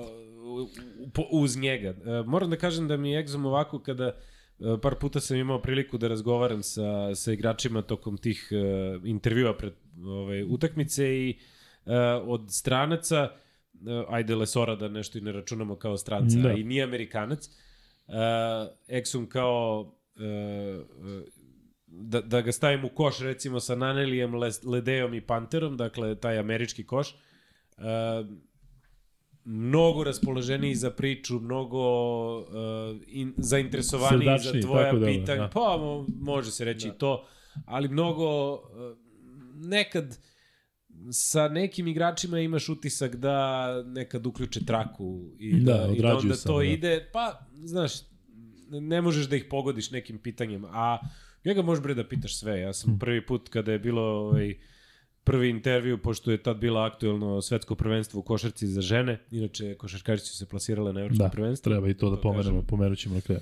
Uh, Ja sam njega pitao kakva je atmosfera tamo u Australiji, evo sad nisu uspele da osvoje opet, ali kao kakve...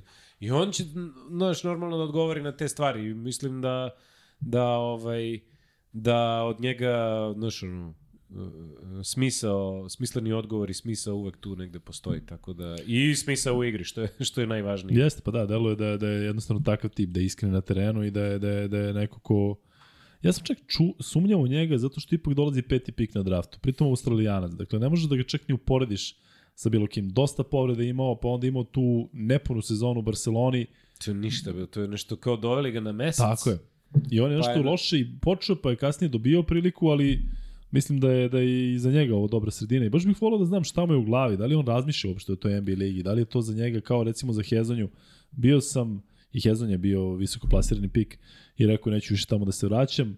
Znaš, e, kako, kako on gleda na sve, uvijek će ti reći, kao što kažeš, uključe traku i kaže ti utakmica po utakmica, sezona uh, fokus, sezona. da, ovo, ali, ali znaš, gde, gde on trenutno u svojoj karijeri, znaš, kako, kako gleda na, na, na stvari, ali dobro.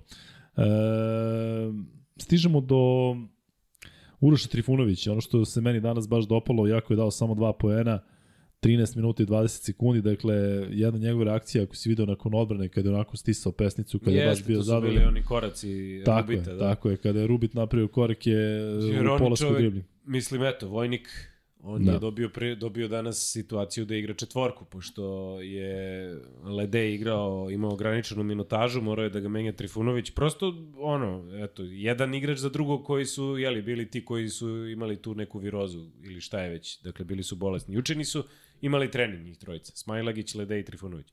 I, i Trifunović je uh, imao uh, opet te dobre defanzivne sekvence, možda je čak imao neke situacije u kojima je previše razmišljao o šutu pa ga nije uzeo, ali jedine pojene koje je dao je nešto što Uroš Trifunović početka da. sezone sigurno ne bi pogodio, ali ovo je bilo onako iz punog samopouzdanja znao je da to ulazi i ja sam znao kad sam vidio kako šutira da to ulazi, iako je bio nimalo te, lakše. Um, je li imaš možda neki trenutak u sezoni kada si video kod Uroša taj prelomni moment, baš si rekao kod Nanelija taj, te neke trojke, pa smo pominjali konkretno i Pantera, pa kod Ledeja je bilo očigledno da je proradio posle one, one epizode u derbiju, ali kod Uruša nekako sve loše, samo onaj grč, sve nešto negativno, kao rukom udešeno i odjednom je, je, je postao, što ti kažeš, pravi vojnik. Dve situacije, kad je počeo da, kad ga je stavio Željko u prvu postavu, to je bilo protiv Efesa, da čuva Micića, pa je počeo stalno tako da čuva te najteže da, igrače, znači te koje, sto, koje štrče tako da. iz.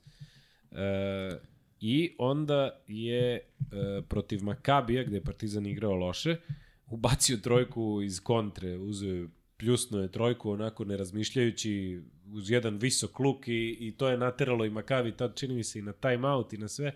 E, tad je dobio i veru dodatnu u taj svoj šut u, u, u, svoje, u, u svoju igru u napadu. Odbrana je bila tu, zaradio je minute na parketu tom odbranom, on je odjednom tad počeo da igra 20 minuta i pretežno zbog odbrane. Počeo je, ako se sećaš, i da ulazi često uh, da kad je završnica gusta, pa on ulazi umesto Pantera Jest. da, da igra odbranu, Panter igra napad. E, onda je odjednom postao i, i, i jako bitan za, za napad i, e sad ne mogu da setim koja je on utakmice to prelomio ovaj, napadački, ali bilo ih je uh, kad je bio i najefikasniji Jest. po one utakmice u, u, u Beogradskoj areni. I, I jednostavno, baš se sećam te trojke protiv Makabija da je to bilo ono što, što ga je što ga je lansiralo nazad u, u startnu postavu i, i, i što ga je uh, dovelo do toga da Željko kaže to, to je igrač kome najviše verujem, to je igrač koji je nama ključan sad. Da.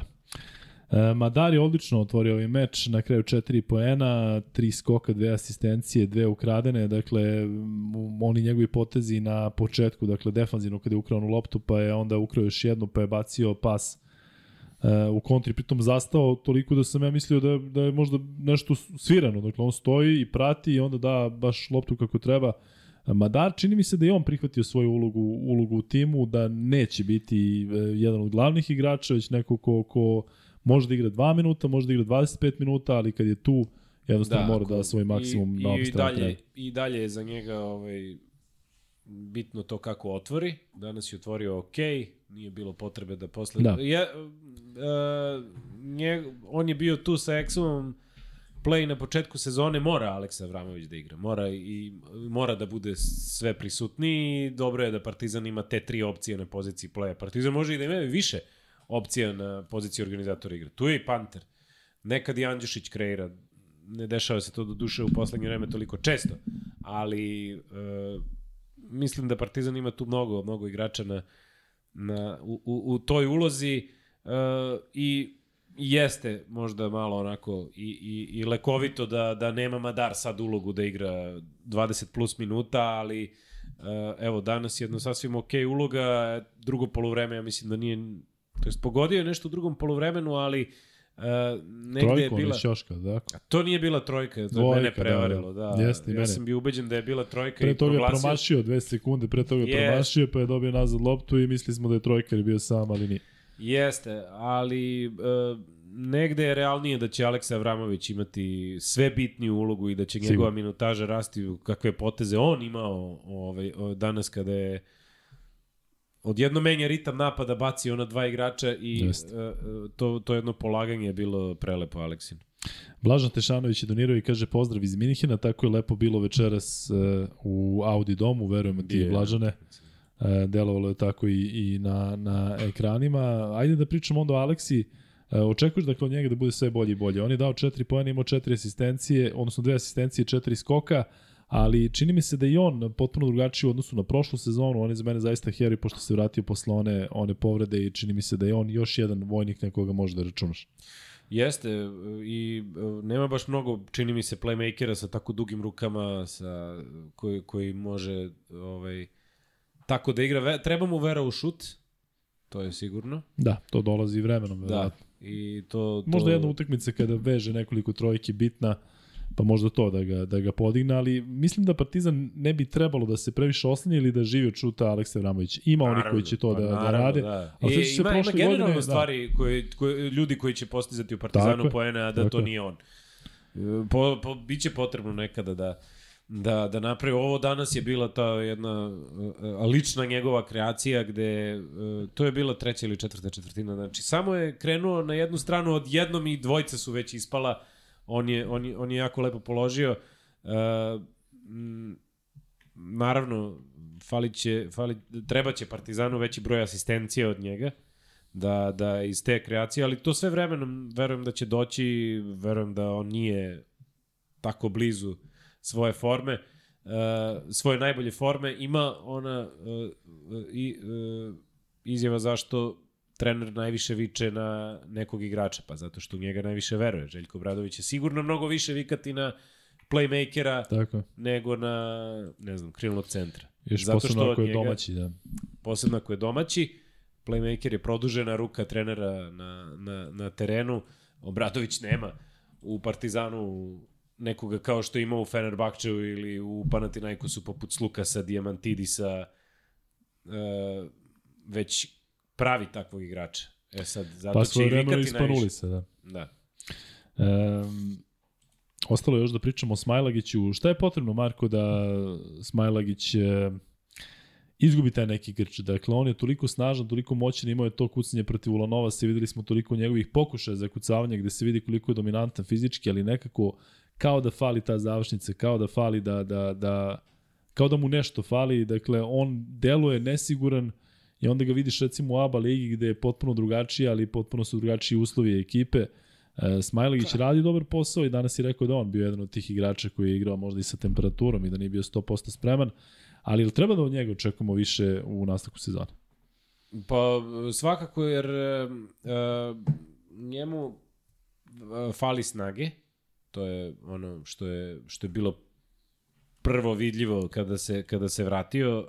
E, videlo se da da da bi mogao da igra ovaj nivo i, i mnogo je brže ušao u odnosu na neke druge igrače, e, mnogo je brže došao do tog, e, on bi mogao da igra ovaj nivo, samo mu fali snage.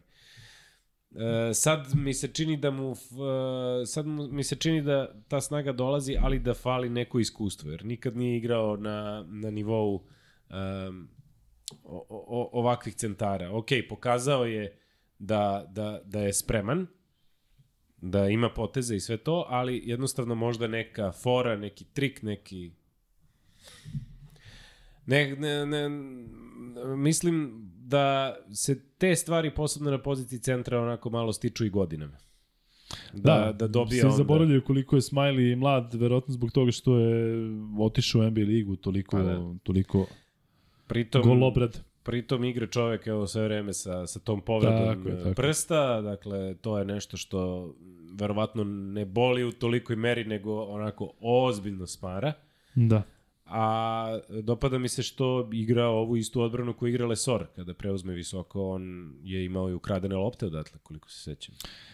I još je ostao Andjušić, dakle Tristan igrao samo minut i po, tako da nemamo šta da komentarišemo, osim da se nadamo da će biti, e, ne možemo da kažemo produktivniji, ali da će dobiti veću šansu i da će iskoristiti u Euroligi.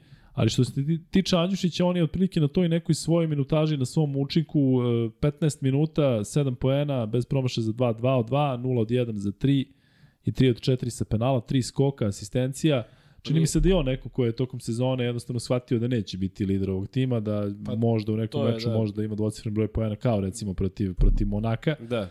kada se baš istakao i delo da ga je ta utakmica podigla, ali on deluje nekako smirenije, čini mi se, nego ranije kada mu je, bar je takav moj utisak bio, baš smetalo što ne može više da to prinese, ajde tako da kažem. E, on je učinak imao danas u četvrtoj četvrtini samo Jeste. i to su bili prvi poena, 7 poena Partizana u toj četvrtoj četvrtini, ali dva, vidiš, baš je tu i ta, ta onako e, snaga Partizana da, da e, znači kreće četvrtina u kojoj moraš da održiš tih 15 razlike. Bayern je e, ekipa koja već milion puta pokazala da su da su borbeni, da se vraćaju, da da nikad ne odustaju, da je to uh, njihova zapravo glavna odlika. Možda nema toliko napadačkog talenta u tom timu, ali uh, on igraće do poslednjeg minuta. I koga dobiješ, odjednom dobiješ čoveka koji ništa nije ubacio do tada. I sve što je uradio u, u, u toj, u ti, to je bila neka sekvenca od dva minuta gde je on napakao 7 poena. Je bilo fenomenalno. Šut za 3 poena gde je bio fauliran, tri slobodna bacanja i još je on dve dvojke dao u sve to. Čini mi se uh, jednostavno Uh, mnogo sam voleo pre nekoliko sezona kad je Olimpijakos uh, igrao mnogo lepo uh, da svako ko uđe i svaki sekund koji bude na parketu doprinese. Ali sve je bilo pozitivno. I to je... Uh, to su igrali uveliko još Spanulis i Printezis i bili su u, dobrim, u dobroj formi. Uh, igrao je tad za Olimpijakos. Partizan ima sad taj taj ritam. Svako ko uđe ima doprinos i to ide u plus. I tako je i danas Andjušić odigrao tih, tih svojih 7 poena, ne znam koliko je minuta proveo na parketu, ali 15, 15 minuta nepunih. Uh, svi najviše volimo onaj njegov potez kada isfintira čoveka, Da, da, ni ne nič. skoči i, Da. I, i, da, i to je ono, mislim, treba se plašiti tog njegovog šuta, on će se vratiti, bit će tu trojki još. I njemu to koliko znači kada da trojku, mislim da je on za ovo živeo posebno što je već treći put u Partizanu i što prva dva nisu bila kakve je, kakve je zamišljao, ovo sad njemu znači mnogo. Još 50 lajkova do tog hiljaditog pa da ispucamo drugi free bet u vezi Partizana, ali često nas ovde ljudi pitaju zašto ne komentarišete trenere kada komentarišete igrače. Hajde malo o Željku Bradoviću i o toj, e, za početak u tom e, tempiranju forme, o, e, o čemu mnogi pričaju. Ti delo je da, da, da, da, da se tu ili u glavi ili zaista na terenu ili kroz neke, neke e, treninge jednostavno tempira forma da, da sad kada je najbitnije Partizan igra dobro. Ja mislim da moraš da imaš nekoliko faktora tu uračunatih. Moraš da imaš faktor uh, povreda, jer Partizan je, koliko dugo smo pričali o tome, stalno je Željko ponavljao, ne mogu da imam normalan trening, ne mogu da Tako igram je. 5 na 5. Uh, ne možemo da igramo ni 4 na 4, to je pričao isto. Da, onda vreme, nema nikakve da. priče o formi ili bilo čemu kad nemaš ekipu. A e, kod Partizana je jako bitno da ti imaš nekoliko dana da možeš da radiš na treningu i da, da, da iz tih treninga onda proizilazi zapravo e, kao rezultat je li neka, neka dobra utakmica. I evo Partizan je sada imao četiri dana da trenira maltene, ako ne i više od Žalgirisa, dakle Partizan je imao e, subotu slobodnu, e, nedelju je bila utakmica sa sa Megom, pa je bilo ponedeljak, utorak, sreda, dakle uz putovanje dovoljno vremena da se tu da se tu e, dovoljno dobro trenira e, i moraš, mora to da ti se potrefi i mora da ti se pogodi e, neću da kažem raspored, ali jednostavno stvarno posle derbija su stvari potpuno drugačije. Kad je bio prvi derbi, Partizan nije mogao da razmišlja ni o kakvom dizanju forme. Partizan je izgubio derbi u ABA ligi, iza toga je sledila Valencija kod kuće gde se videlo da gomila stvari ne valja i da je potrebno naravno to podizanje forme, na, naređaju ti se utakmice, naređaju ti se da nemaš dovoljno playmakera, Avramović tada nije igrao, jednostavno ti ne možeš da ne možeš da razmišljaš o tom dizanju forme. Sada se desilo da se Partizanu zaređaju uh, od nove godine utakmice kod kuće, uh, desilo ti se da, da dođe derbi, naravno, apsolutno je zasluga, nije, nije niko Partizanu poklonio pobedu derbiju, njihova je zasluga, ali uh, e, eksponencijalno raste samopouzdanje posle jedne takve utakmice i to se sada, i to se sada vidi. E, da, pa čini mi se da je slično i Zvezda imala posle one trojke Nedovića, jednostavno oni su tada već vezali nekoliko pobjeda, ali to im je dalo dodatni I E, mislim da sada i ovo, i ovo isto što su sada uradili u Tel Avivu je fenomenalno. Možda čak Kuzma je pričao kako nije dobro što, se, što je na kraju Makabi prišao. Baš sada ima Zvezda gomilu stvari da analizira koje nisu Tako bile dobre. Sad Za trenera najbolje Treba dobiješ raditi. utakmicu i imaš i te, koli, i te kako toliko šta da kažeš igračima i jednostavno toliko ima mesta za napredak, tako da zaista što se tiče Zvezde, Mislim- ja mislim da je ovo početak, početak e, jedne nove dobre serije. Mislim mi da komentarišemo sad trenere Duška Ivanovića i Željka Obradovića Naravno. ili, ili ovaj, Željka Ivanovića i Duška Obradovića.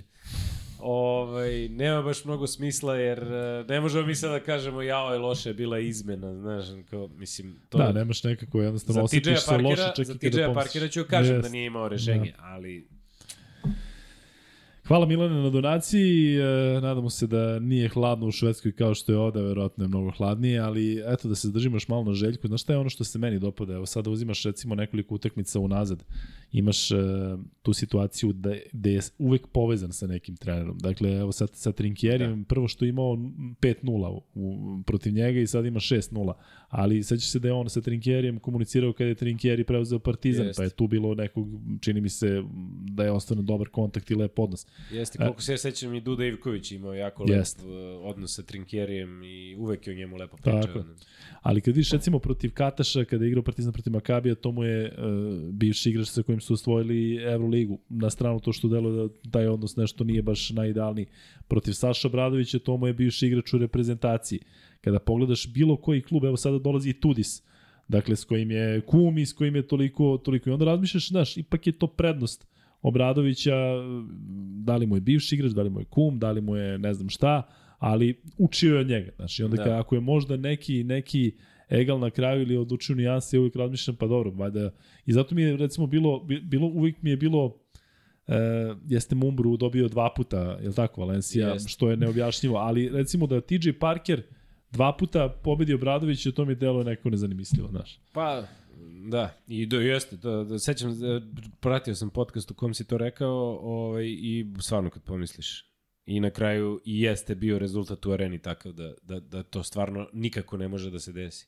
Ali nekad, kako, ono, ne igra, neće Željko Obradović da uđe da da trojku. Da. Nego je tu Mada bio mogao bi, Dekolo znaš. koje, misliš, da, Da, je, pa da ne, ima... odličan, je, odličan šut. E, znaš ja šta ja hoću da kažem, kad sam Željko? počeo da pratim, on je, on je baš onako bio neko koga, koga voliš da je lopta kod njega, tek sam, bio sam klinac. Naravno. Ali znaš šta ja ću kažem Željko Bradoviću, jedna stvar, ovaj, stalno se nešto priča a, i uvek svi volimo da gledamo timeoute na kojima, ne samo Željko, nego i svi treneri kako se ljute, kako viču, kako jao i Željko je crven, ovo ono. A, koliko je bre bilo sad u poslednjih nekoliko utakmica situacija u kojima Željko ozbiljno bodri svoje igrače. Kako ne, da. I ja ne mogu da se setim da je tako bilo u Fenerbahču. Jeste bilo, ali ne u ovolikoj meri. A to mu se zameralo i ove sezone u Partizanu kao da, znaš, napraviš grešku, odmiš na klupu i dobiješ grdnju. A sada nekako deluje da, da jednostavno su neke stvari rešene, znaš, verovatno je nešto ponavljao 100 ili 1000 puta i deluje da je neko shvatio. Tako da sada baš deluje taj, taj odnos onako više pedagoški e, pozitivno deluje se. Tako da, da je to nešto što je baš onako lako uočljivo. Mislim da je bila neka utakmica, da, Smajlagić recimo da uopšte nije dao poe, da, koš, ali je toliko stvari uradio i u odbrani i u napadu. Ne, ni, nigde u statistici ne piše da je on to uradio, ali se fenomenalno pratiš utakmicu, fenomenalno sve vidiš. I ovaj, mislim i onda da je jednom asistirao Eksumu, da je odlazio na klupu i da mu je Bradović o, dve ruke Da. dao ovako da se da, da, na, da baci kosku. Ne znam da li si vidio danas Tristan Vukčević kada je ušao pa je bacio loptu prejako za Lesora u kontri i ja sad gledam Obradovića da li će da bude nešto on aplaudira. Dakle, dobro, ok, probao si, dakle nije strašno. Mislim da to podre, bodrenje mnogo znači, posebno, bo- posebno tim igračima koje, kojima je potrebno. To je stvar koju Partizan baš ne radi ove sezone. Ne baca loptu u kontre Da. i osim ako se ne desi da je stvarno Partizan ukrade ono na, polovi, na liniji, na polovini za tri, pa- na polovini terena, onda će da bude kontra. Ali generalno, pa i Obradović je igra generalno kroz istoriju je 5 na 5 i do 24. sekunde. E, završit ćemo sa ovim e, sa ovim segmentom o Obradoviću završit ćemo priču o Partizanu, evo tu smo blizu 1000 lajka, tako da evo free bet neka bude u ovoj pobedi Partizana e, Crnobeli su dali e, onako izuzetno mali broj trojki koji je i pomenuo Marko tokom podcasta, dakle koliko je Partizan dao trojki u meču protiv Bajerna, e, to je drugo pitanje, e, odnosno drugi free bet. E, uskoro ćemo da počnemo da pričamo malo i o NBA ligi i vidim da ovde imate dosta pitanja, ali moramo naravno da prođemo malo i ove mečeve koji su bili na programu danas, odnosno meč, da malo pomenemo utakmice koje su odigrane u Evrokupu i da najavimo ono što je, što je na programu sutra. Tačan odgovor je 4, Dragan Savić je odgovorio prvi, od tako Vanja, dakle Dragane šalješ na lukajkuzma.gmail.com. E, Marko, e, odložena, utak, od, odložena utakmica Fenerbahče uh, Armani, odložena takođe i utakmica koja je trebalo da se igra Da, danas. Uh, Ja, ja stvarno moram da kažem da je stvarno grozna, grozna situacija, Da. mislim, ovaj, zamislite da, da odjednom nema, nema ničega, nema zgrade, nema, ne- neverovatno, prosto uh, to jeste neki deo sveta koji je poznat po, po zemljotresima, da. ali ovoliko. I jeste i Turska imala kroz istoriju. Ne znam sad šta će biti sa, sa košarkom, pretpostavljam Turci treba da igraju kup, pretpostavljam da do toga nema ništa.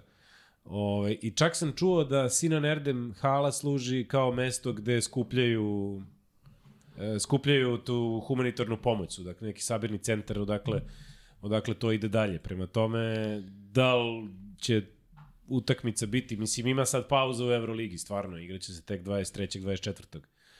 Uh, februara. do tada... Da, vidiš, recimo Turk Telekom je igrao u Evrokupu, Ali dakle, na gostovanju. Zato što su u ponedeljak ujutru otišli u Italiju i tada e, čak drugi zemljotres se de- desio pošto su oni već otišli. Da. Da. Zemljotres se desio u ponedeljak popodne. Jasno, jasno, da, ali svejedno, znaš, razmišljam, onda čak i ako stigli, otišao, da. Pa, Kao, ajde, zna, pa E, definitivno jedna od onih situacija kada je sport, e, u ovom slučaju košarka, potpuno u drugom planu. Dakle, meni je u, sve vreme u glavi, dakle, šta je čovjek sve spreman da proizvede sam kada imamo, recimo, taj aktualni rat između Rusije i Ukrajine ili već između koga, znate da da se to lagano pretvara u neki e, širi sukob, ali onda priroda dođe i kaže e, da vidite kako to izgleda kada, kada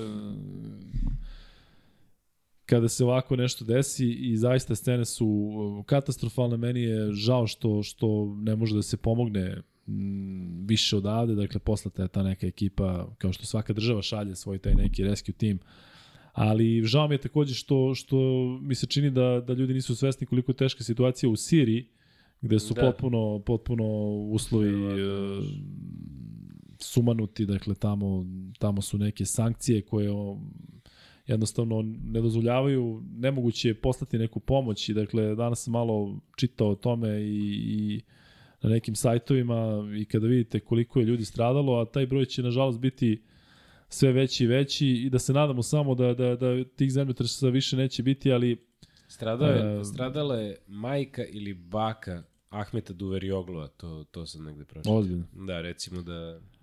Eto vidiš. I ima sportista koji, nažalost, su takođe, mislim, kao da je bitno. Najvažnije je stvarno sad pomoći ovaj, koliko, koliko je moguće tim ljudima, jer o, užas. Znači, Da, i ovo će sigurno poremetiti te timove do, do, do kraja Euroligi. Prvo što će morati da nadoknadete neke mečeve, kao što si sam rekao, kupa verovatno neće biti, šta će biti sa njihovim prvenstvom u narednim nedeljama, to takođe ne znamo. Ali eto, želimo da, da, da, da se sve to smiri i zaista uh, teško je, teško je videti sve one scene. E, Crni Grober kaže, Luka bio si pravo za onog Jonesa, kakav indijanac šamara Lokita. Da, rekao sam ti da je taj Rik... e, šta se tu desilo? Da, Da, li verovatno je... da. Znači, Pritom on je Trent Lockett ispao gospodin uh, u celoj toj priči, a um, ne objašnjava, ne znam kako ono ja, može da se dogodi. Ja obično pomislim, ok, mora da je i ovaj đubre, znaš, ono, ako, ako, ako A je i da takva jeste, reakcija. i da jeste, ali, ali ono, je, ono ja mislim da jedino što može da se uradi u ovoj situaciji to je da se da se udari neka drakonska kazna, da, da onaj momak više ne igra, ne igra košarku na ovom nivou, kao primer jednostavno, pa nek se on posle pita šta i kako, zato što je ono baš onako, uh, nije ček, ti imaš te udarce, pratili smo ja i prenosili toliko mečeva gde imaš ti to košarkanje i, i onako zamahne se nekada, međutim ovo je jedan Šamarčina, bravo. Ma bre, kažem ti, čak ni, nećemo ni da komentarišemo. Ali možemo da komentarišemo uh, ovaj meč koji je, kratko ćemo verovatno o tome, Alba Olimpijakos, jel znamo zašto je to igrano u sredu? Ne, ja sam pokušavao da nađem, Da. mm, ovaj, jer sam čuo kritike na račun sport kluba da je tek na SK8 bio, ali pa i nije bila neka zabava ta utakmica. Je. Vidio sam da dalje prenosi iz one kabine Jest. pomoćne, tako da Jer- ovaj, jer, ovaj, specifično. Jer n- mnogo je neobično da je utakmica sredom. Nema, Jest. toga nema maltene uopšte osim Da. ono Virtus Armani što je Jest. bilo. Ja, A možda smo predosetili na sport klubu da će biti takav nezanimljiv meč, pa je zato Ne završio znam, tamo. zato što se dešava da kada, da kada tako neke utakmice izgube poziciju, da e, izgube dan, to jest promene dan, onda e, šema programska već napravljena da. i onda tako završi neka utakmica, nažalost, na, na SK8. Sva sreća, ovo je bila stvarno ono, mislim, zašto gledati Albu uopšte više ove sezone?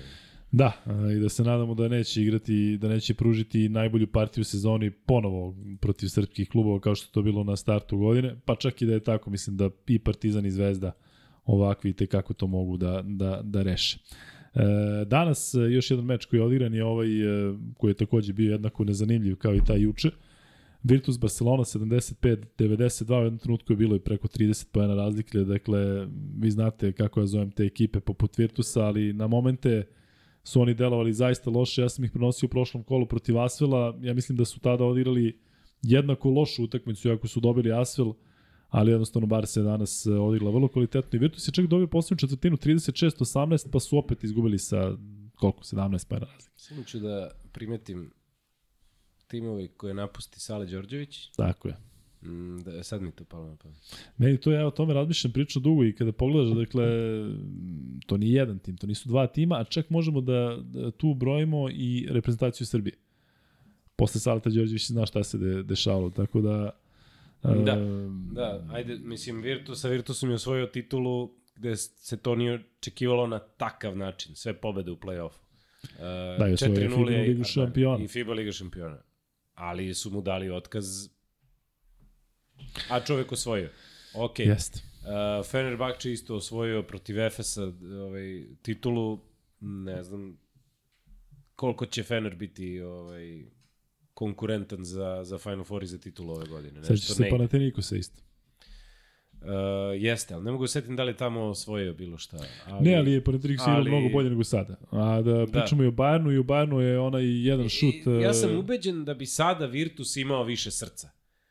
Da bi igrao sa više srca. Da. O, o, o, ovo sada što igraju, e, mnogo nekonstantnog, e, a mnogo dobra ekipa i ne znam, mo, možda i ovo dovođenje Šengelija i Heketa i dovođenje svih, svih, Jeste, svih. jeste, To, sve što je slobodno, a može, Da. nije uzeo Makabi, da je da uzemo mi. E, da, ne deluju dobro i onda, znaš, kada pogledaš kako igra Virtus i kada pogledaš da je taj tim dobio zvezdu, ti bude još teže. Kao što su ti porazi Partizana protiv Valencije, pa onda vidiš Valencije koliko je u stanju loše da odigra da.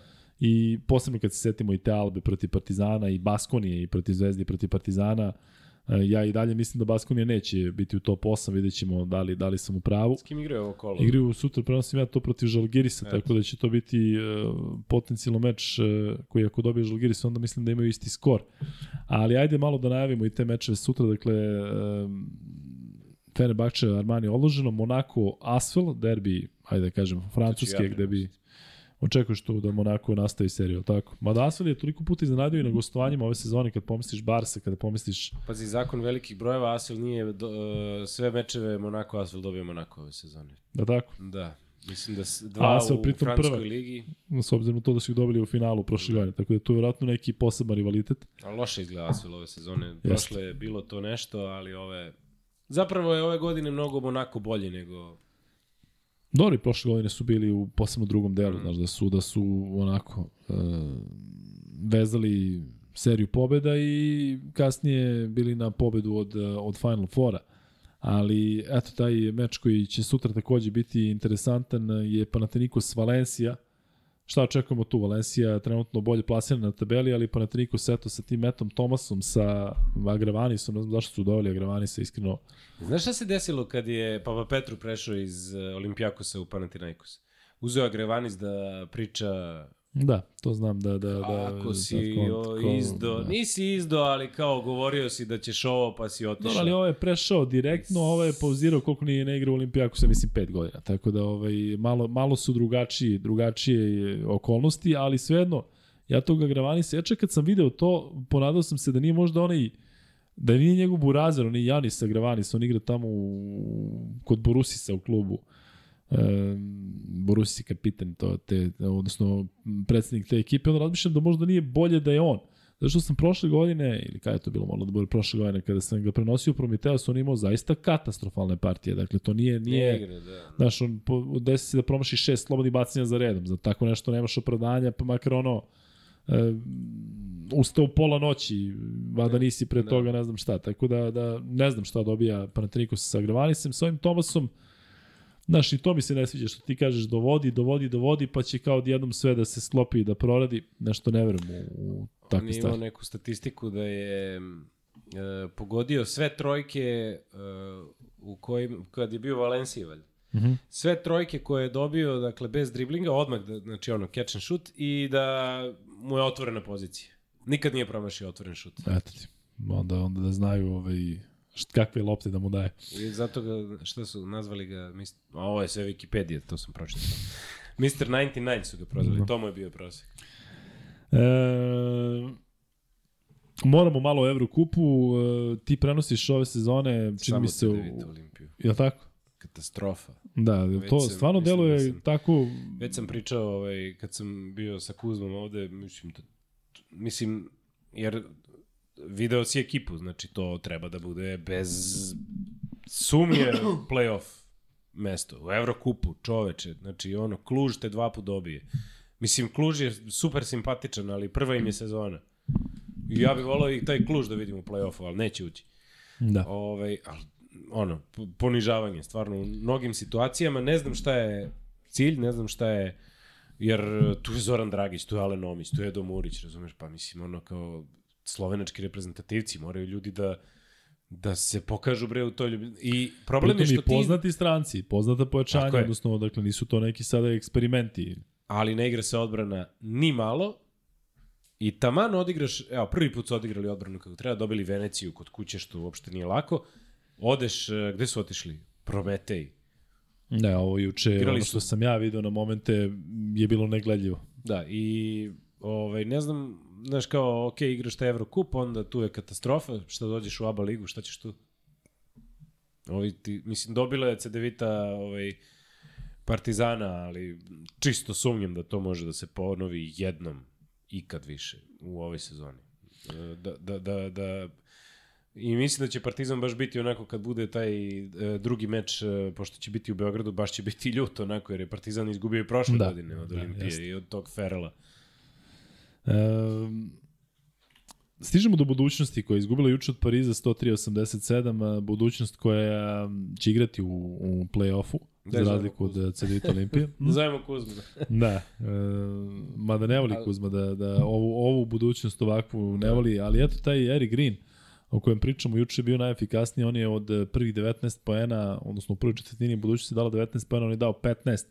Ja iskreno ne znam, ne znam šta će i koliko će doneti ovaj Lecomte, ali eto, budućnost je tokom sezone dovela nekoliko ozbiljnih igrača i čekamo da se tu neke eh, kockice sklope. Ja zaista verujem da to može da bude tim koji će pomrstiti mnogima konce u, u Evrokupu kada dođe do završnice, ali ajde da sačekamo još malo. Ili ima nešto, Marko, što si video ove sezone u budućnosti da, da ti je skrenulo pažnju? Dobro, loše, nekako... Pa oni su dobili onaj Hapoel Tel Aviv u gostima. To je meni Da. u tom trenutku. Mada je i bio tad Hapoel, to sam baš ja prenosio, ali bili su oni nešto, imali su neki igrači su im falili. Ali ne vidim nešto što bi ovaj budućnost moglo sad da svrsta u neki red favorita, znaš, za... Ja iskreno verujem da bi mogli možda do polufinala. Eto, to, to, to mi se nekako javlja, um, zato što istrpeli su neke krize. E, kada uzmete u, u, realno, kada pogledate taj Eric Green je bio jedan od najboljih strelaca Euroligi i to ne jedne sezone, pritom je igrao za ozbiljne klubove u Euroligi. Tako da sada ima i neko iskustvo i eto da se nadamo da će on da bude pravi lider tog tima. Iako i on jeste prilično nestabilan, ali dolazi kao najbolji strelac izraelskog prvenstva. Ni to nije sad neko zvanje, ne znam kakvo, ali ajde sačekamo da vidimo. E, mada i dalje mislim, nadam se da, da, da i ti misliš isto da budućnosti Cedevita Olimpija zaista ne mogu ni na koji način da pariraju Zvezdi i Partizanu i da je već Da, to- zacrtano finala ABA lige. Da, da. Mislim Dakle- da tu ne treba ni trošiti reči Tako prosto o tome da baš je onako razlika 20 poena. Mislim, jeste, opet Već je kažem, veliko. Olimpija je izgubila od part, uh, dobila Partizan, ali Neće to je, to to je tad bilo, da. Letkabeli s Venecije 87-84, Čanak igra sve bolje i bolje, odnosno njegov tim, nekako možda tamo od kada je bio iza klupe Partizana Da. protiv Ja, Žalgirisa. mnogo mi da sviđali. Kabeli, par puta sam ih radio i ovaj, imaju neke mlade igrače.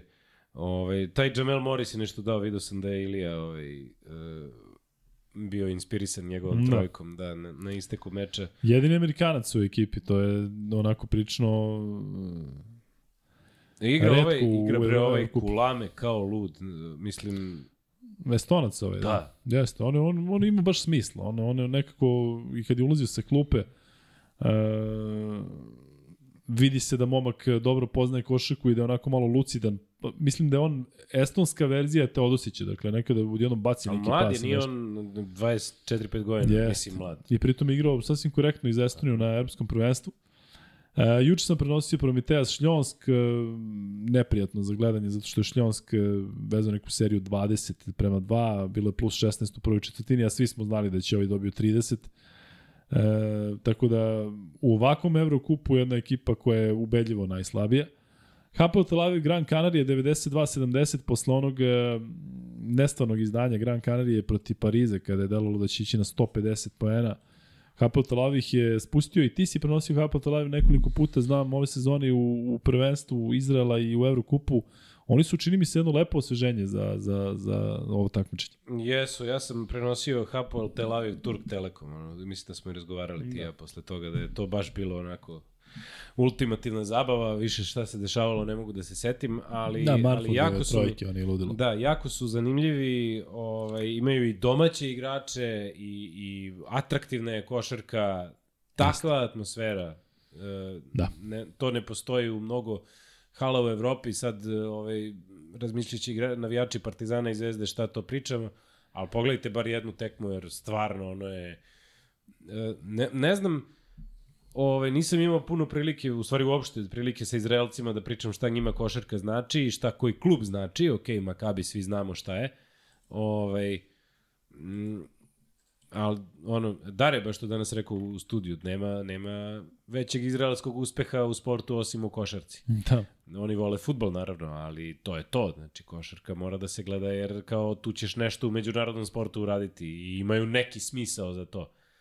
Ovaj, I o, kada, očigledno taj Hapoel ima neku navijačku bazu koja je onako prilično jaka, imaju ove godine i, i neki smisao u timu. Mene jako raduje i što Hapoel Jerusalim igra dobro koliko sam e, pratio poslednji put sa, sa Džikićem, da to ovaj, Jeste.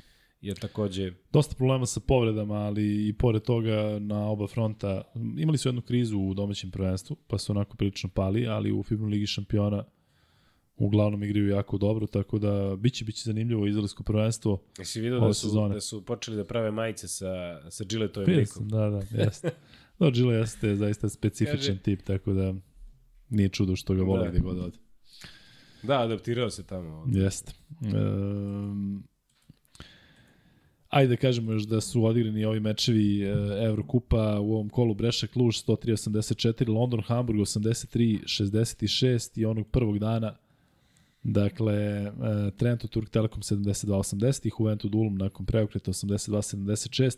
Ali ajde Marko da završimo sa tim e, koju ekipu iz Evrokupa možeš da vidiš u Euroligi, o tom smo pričali kada si ranije bio ovde i kako ti ta, taj projekat sa lavovima iz Londona izgleda Mm, Pa iskreno nisam ih gledao ni jednom. Vidim tu po kojeg igrača ovaj, sam, sam ispratio ko, tu, ko, tu- ko tamo igra. E, mene, mislim, ono, bilo je nekih priča kao, u stvari stalno su priče Partizan i Zvezda u Euroligi sledeće sezone. E, očigledno da Rusa neće biti. E, očigledno da Partizan i Zvezda moraju da igraju Euroligu sledeće sezone sa ovakvim projektima, sa ovakvim navijačima, sa ovakvom igrom nešto Partizan i Zvezda znače, za nešto se pitaju u Evropi, ali se meni ne sviđa što konstantno postoji ta ozbiljna priča Pariza i Londona da Evroliga hoće ta dva tržišta. I, i, I onda, znaš, kao, ko ti garantuje da neće samo reći, e, sledeće godine oni ulaze. Kao što su Da. rekli Asvelu i, i, i Bayernu, do duše, Asvel i Bayern su već bili dokazani tu, a ovi uopšte nisu dokazani, ali opet mogu da ih puste. Ne sviđa mi se ta priča jer mi je to veštački. Ne verujem da će tu biti dovoljno publike i ne verujem samim tim ni da će biti kvalitetnih timova. Um, A kada me pitaš da ko iz Evrokupa, ja bih volao Juventu da vidim, negde to vidim kao kao sličnu priču kao Virtusa i Partizana. Ekipa koje se dižu iz nekad su bile velike, dižu Jeste. se iz krize i Juventud je takav koji je bio na granici toga da se ugasi. Ja bih volao da vidim Hapoel Tel Aviv e, zato što pre svega imaju te navijače, dakle uz, što ti kažeš možda Zvezda i Partizan ne shvate, ali oni imaju e, tu najveću kulturu putovanja na gostovanje u ogromnom broju. Dakle, ti navijači i Hapola iz Tel Aviva, pa čak i neki drugih izraelskih timova putuju gde god igra ekipa. Dakle, oni su igrali negde na drugom kraju Evrope. U Londonu su igrali m, 500 navijača, dakle došlo što prosto deluje neverovatno. Dakle, ne oni koji žive u, u, u Londonu, nego jednostavno to je ta grupa koja putuje i koja uopšte nije, nije mala, tako da imaju zaista dobar tim. Ja volim tog Jacovana Browna, on imao, ja mislim, 14 ili 15 asistencija sad u ovoj pobedi protiv Gran Canaria i kada dobijete jedan takav tim sa preko 20 pojena razlike, a pritom imate dobru sezonu, morate, morate jednostavno na, na njih da obratite pažnju, tako da debitanska sezona, a, a potencijalno vrlo uspešna. Isto važi za Prometej, da se razumemo, Prometej je možda i najprijatnije iznenađenje, posebno ako uzmemo u obzir iz koje države dolaze i šta se dešava u Ukrajini i da uopšte nemaju domaći teren da se sele po Baltiku. su igrali. Igre su u zašto, Kaunasu, ali- igri, sa, sad su igli u Kaunasu. Da, sa? Olimpijom. Da, pa me, meni, mešaju, ja mislim da, da jedno vreme su u Rigi, pa su onda malo ovamo, verovatno kada su ove dvorane slobodne ili, ili, ili zauzete, ali nemaju nikakvu podršku video si, onda razmišljaš kako bi to izgledalo da imaju nekih 5000 navijača koji, koji staju za njih. Tako da i to će biti interesantno. I sa ovim zatvaramo taj deo i o Evrokupu i Euroligi. E, pričat ćemo o svemu tome više u, u ponedeljak e, kada bi trebalo da imamo i nekog e, zaista interesantnog gosta, ne samo ovog sledećeg ponedeljka, već i možda u nekoliko narednih, kada imamo taj, da kažem, normalni e, termin. Rani, e, Marko, da pomenemo još dve stvari koje su aktualne, dakle, e, reprezentacija Srbije u, u, u košaci, Tako govorimo naravno o damama, ubedljiva pobjeda protiv Hrvatske, kako si ispratio sve to, Nisam rekao bih očekivano. Uopšte, zato što je utakmica počinjala u periodu kada, kada je počinjao studio ovaj, pred e, utakmice Maccabi Zvezda i Bayern Partizan, ali ono što znam da u nedelju e, poslednju utakmicu u tim kvalifikacijama će gledalci moći da gledaju samo na sport klubu i e, takođe će, ako se ne varam, biti i studio pre i posle te utakmice, prema tome e, Bugarska Srbija, to je poslednji meč. A e, generalno ono što smo Luka ti i ja i pričali i u studijima tokom onog svetskog prvenstva, mislim da Srbija sad e, na ovom Eurobasketu koji predstoji, igra se gde u Sloveniji i Izraelu, tu onako baš može da traži svoju šansu. Smena je generacija, ali Jest. postoji taj kvalitet koji, koji može da koji može da izdrži i da, da, da se opet bore devojke za, za, za, za tron i bilo bi zaista sjajno da ono posle odlaska uh, Vasić, Brooks, da ti opet imaš generaciju koja može da, dve godine kasnije samo. I više nego zadovoljavajuća igra i rezultat na Tako posljednjem svetskom prvenstvu i dobra baza za ovo što što ćemo isto pratiti na sport klubu, ali tako, evropsko prvenstvo Jeste, da. u ovoj zemlji. Ali čudno, Slovenija i Izrael, znaš, to mi je nekako čudno, geografski mi se ne uklapa. Ranije, znaš, ono kao imaš tri ili četiri zemlje, pa opet to ima ne, ne, neku Pa nekako pošli je povezano, da. u ovom muškom Eurobasketu, hm, ono, Gruzija, Da. sad je na Kipru sledeće evropsko Jeste, da, to što su bacili ostalog. Kipar ćemo vidjeti kako... Ja ne gledam na Kipar kao što bi trebalo, zašto Kuzma stalno pominje Kipar, kako je tamo bio pravo sudove i kako je imao tamo suluda neke iskustva, jedan zanimljiv period u njegovom životu i njegovoj, ne mogu da kažem karijeri, ali ajde, da damo šansu Kipru.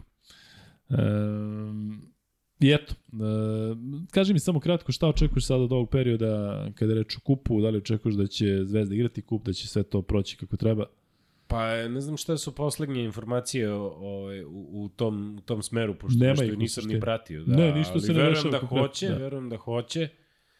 Uh, I evo, malo i Kuzma ovaj, pričao kako je devalviran taj kup, ali ono, uh, evo, Partizan koliko dugo nema titulu nikakvu, ni u ABA ligi, ni u Košarkaškoj ligi Srbije. To je sve Zvezda uzimala jednu godinu u budućnost ovaj, ABA ligu, ali ima dva kupa. Znači na onom baneru stoji i onako navijači Partizana znaš, gledaju taj baner kad će nek, neki novi broj da se dopiše, znaš. Prilično je, prilično je značajno to, a najlakše je osvojiti kup, jer e, šta imaš, tri utakmice samo da dobiješ. Jeste. E, prelazimo na NBA ligu, dakle mnogo trejdova, mi ćemo se naravno baviti onim najinteresantnijim, a moramo da pomenemo još jednom ovo što je uradio LeBron James, dakle što je prešao Jabara i zaista neverovatno deluje ta, ta petorka najboljih strelaca ikada e, u NBA ligi, dakle LeBron sada prvi, Jabbar drugi, Malone treći, Kobe četvrti, Jordan peti. A ako se ne varam, tu je Novicki šesti, pa ovdje Šek sedmi, ozbiljne, ozbiljne glave i ajde Vanček možemo da stavimo jedan pol. Da li mislite da će neko e, dostići rekord Lebrona? Prvo, on će vratno da ide do blizu 40.000 pojena ako bude zdrav, ali oni koji se pomenju kao, kao igrači koji bi mogli da ga ugroze, e, nije Jokić, zato što Jokić nema taj broj poena u rukama, u smislu znate da, da je on ipak okrenut e, i ekipi, ali može da staviš da li mislite da će neko ugroziti rekord Lebrona, pa stavi prvo Niko, usno prvo stavi Luka Dončić, drugo Kevin Durant i treće neće niko. U svakom slučaju zaista veliko dostignuće, ali kao što kažeš Marko, dakle poraz od Oklahoma nekako se to ne uklapa u ovaj naš mentalitet kako gledamo na košarku i na sve uz, uz, uz ceo show, uz Šta sve bi, šta te bi Jokić uradio da, da ja, ja sam ubeđen da, da ne bi bio tako raspoložen i tako, tako srećan. Da je to napravi, mislim, ok, pazi, to je, to je stvarno veliko ostvarenje. Jasne. I Lebron je to zaslužio. I um, možemo sad da pričamo, evo ja sam čak dobio pitanje šta, da prokomentarišemo ovaj, što je, Le, da li je Lebron GOAT i kao te, te priče. Znači, svako, po meni svaka... Za mene je najbolji svih vremena Michael Jordan. Ba, ja zato što sam da je ja za većinu. gledao zato, za, zato što je možda malo i podigao košarku na jedan drugi nivo. Ne samo to, nego jednostavno bio drugačiji i nećeš nikada imati takvog igrača koliko go- ko bi bio, bio, ali znaš šta, za svakoga za koga kažeš e, da ne treba da bude GOAT ili da treba, ti imaš neki argument. Pa da. Recimo, ne, I- za Jordana se priča kako nikada ne igrao sedmu utakmicu finala. I ne znamo kako bi se, kako bi se nosio u toj utakmici. Pa onda imaš one koji kažu bio je nestabilan, pa ne znam šta je radio, pa je pravio te pauze. E, Lebron je konstantni igra 20 godina A praktično. Lebron na igra u različitim franšizama. Tako je, i on je doneo, doneo je... I išao je u Miami po titulu. Jeste i doneo je titule A onda se- dobro, svim da. franšizama gde je bio, uh, računamo i tu bubble titulu uh, Lakersa, ali ajde da pređemo sada baš uh, kad, da počnemo sa Lakersima u tom uh, u ovom sada trade bloku i svim svemu što se dešavalo, oslobodili su se Rasela Westbrooka, ali ono što je meni potpuno nevjerovatno da su uh, Peta Beverlija poslali, dakle on mi je nekako bio uh, ta spona u timu koji ne funkcioniše, ali koliko mi se čini oni pokušavaju da naprave neki tim koji će ličiti na taj iz babla, gde su James i Davis, James i Davis, a ostali svi su onako te neke karike, da se niko tu ne izdvaja, ali Beverlija su doveli, meni je tu bio pun pogledak i evo sad su ga dali i vidjet ćemo gde će uopšte završiti Beverly. Ja se ne sjećam kojim je bio u Babala. Bio je Schroeder, jeste? E, bio je Caldwell Pope, e, bio je Morris, e, bio je mm, Herald, je li bio Montrez Herald tada vančik? Uzeo on titula, mislim da nije. Bio je Dwight Howard, da, kao, kao onako prilično bitan igrač i... Kako? Rondo, da, Rondo koji je trenutno bez klub. Ali ovaj, sve u svemu ne, vid- ne vidim Lakers-e ni u play Nije to to više, očigledno. Možda ni Lebron nema više toga u sebi, znaš. Pa dobro, on što se tiče statistike, igre i svega, dakle on, on je možda, ne mogu da kažem bolje nego ikada, ali definitivno iznad očekivanja sa tim, sa tim ciframa, ali da je nedovoljno. Davis malo, malo pa povređen, zna šta su se menjali tokom sezone, da. bilo je povrede i jednostavno to očigledno ne funkcioniše, ali ja mislim da sada kada su se os- oslobodili Westbrooka, da je to, da kažem, korak napred, jednostavno... Pa svakako, jer, znaš, kao, nije, nije bilo realno da više trpiš Jeste. to. Ali Westbrook koji sada se oglasio kao, ne znam, gleda da li će u Clippers-e, pošto će vjerojatno da bude taj buy- buyout Jute, pa će, znaš, možda neće menjati uopšte, Možda neće imati tim. znaš, ostaće u istoj kući. Ovaj, a i kod kuće, zato što je on iz LA, tako da sve u svemu pratit ćemo Lakers-e, ali ja Utah ga kažem ne neće, vidim? Tako... Nećemo, ja, pa Utah ima potpuno drugačije, drugačije ja, plana. A, a, ja samo kratko, ova priča oko uh, kepa i kao da li će da bude hard cap ili možda ti Vanja to više pratiš, ali jel postoji, mene to sad zanima, uticaj po evropsku košarku, postoji mogućnost lockouta, da li, da li to neko pominje, pošto Mislim da je. 23. 24. je kraj tog ugovora, moraju da naprave novi.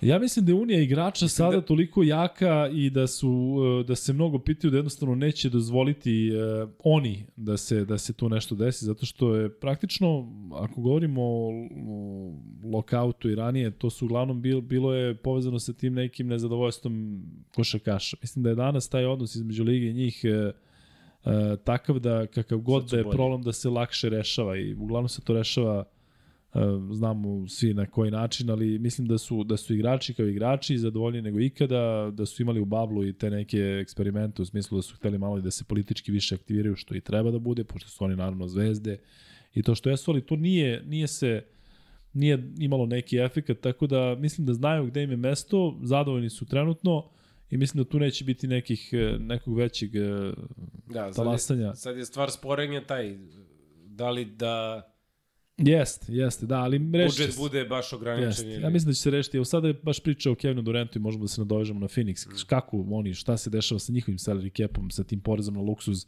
kada su sada otišli nešto u neki minus, ali ajde da pričamo o, košaci, o tom trejdu. Dakle, da li ih vidiš, e, mislim na Phoenix Suns sada sa tom trojkom, Uh, Ejton je dalje ostao, tako nije Ejton pomeren, tako, ali imaš Bukera, Pola, Durenta i Ejtona i, i ne znam šta god da ti je okolo, to mora da bude jednostavno tim koji juri šampionsku titulu. Vidiš, ja, Durent je neko ko je jedino titulu osvojio tamo gde već oproban sistem postoji gde mu nije bilo mnogo teško da se uklopi, a Phoenix baš onako proživljavao neke krize u poslednje vreme i I od koga su ispali? Od Dallasa su ispali, ili tako? Da, u sedmoj utakmici, da. kad su gubili 40. Da, da, ono smejanje Luke, ovaj, da. Devinu Bukeru.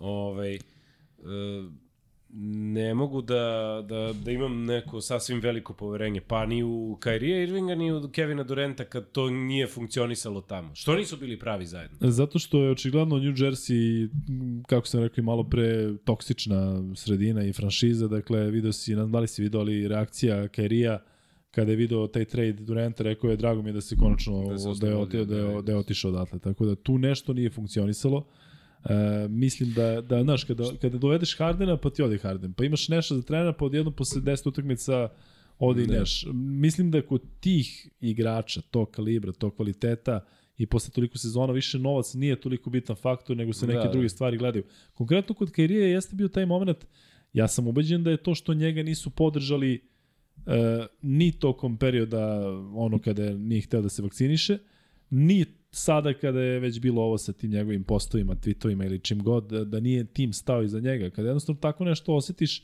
znaš, onda jednostavno, ali, ali opet mi je, znaš, oni su ušli u neverovatnu seriju pobjeda. Oni su postali jedan od najdominantnijih timova u ligi. I onda odjednom da se pukne onako kao, kao balon od sapunice, to mi je malo da, ovaj, ide, to. čudno, ali eto, možemo da, da, da posle Phoenixa, meni su oni sada definitivno onako tim koji ću pratiti.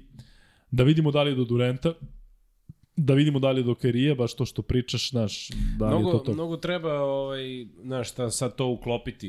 Mislim da Dallasu ovo nije ta sezona, da će, mislim, mo, mogli bi da igraju play-off svakako, ali nije ta sezona u kojoj će da, da, da, da budu možda sledeća da krene ta saradnja Dončića i, i, i Kairija da daje Ja ne mogu da, da zamislim tu, tu saradnju, još, kako čekaj, to funkcioniše. Kairija je igrao, ali Dončić propustio.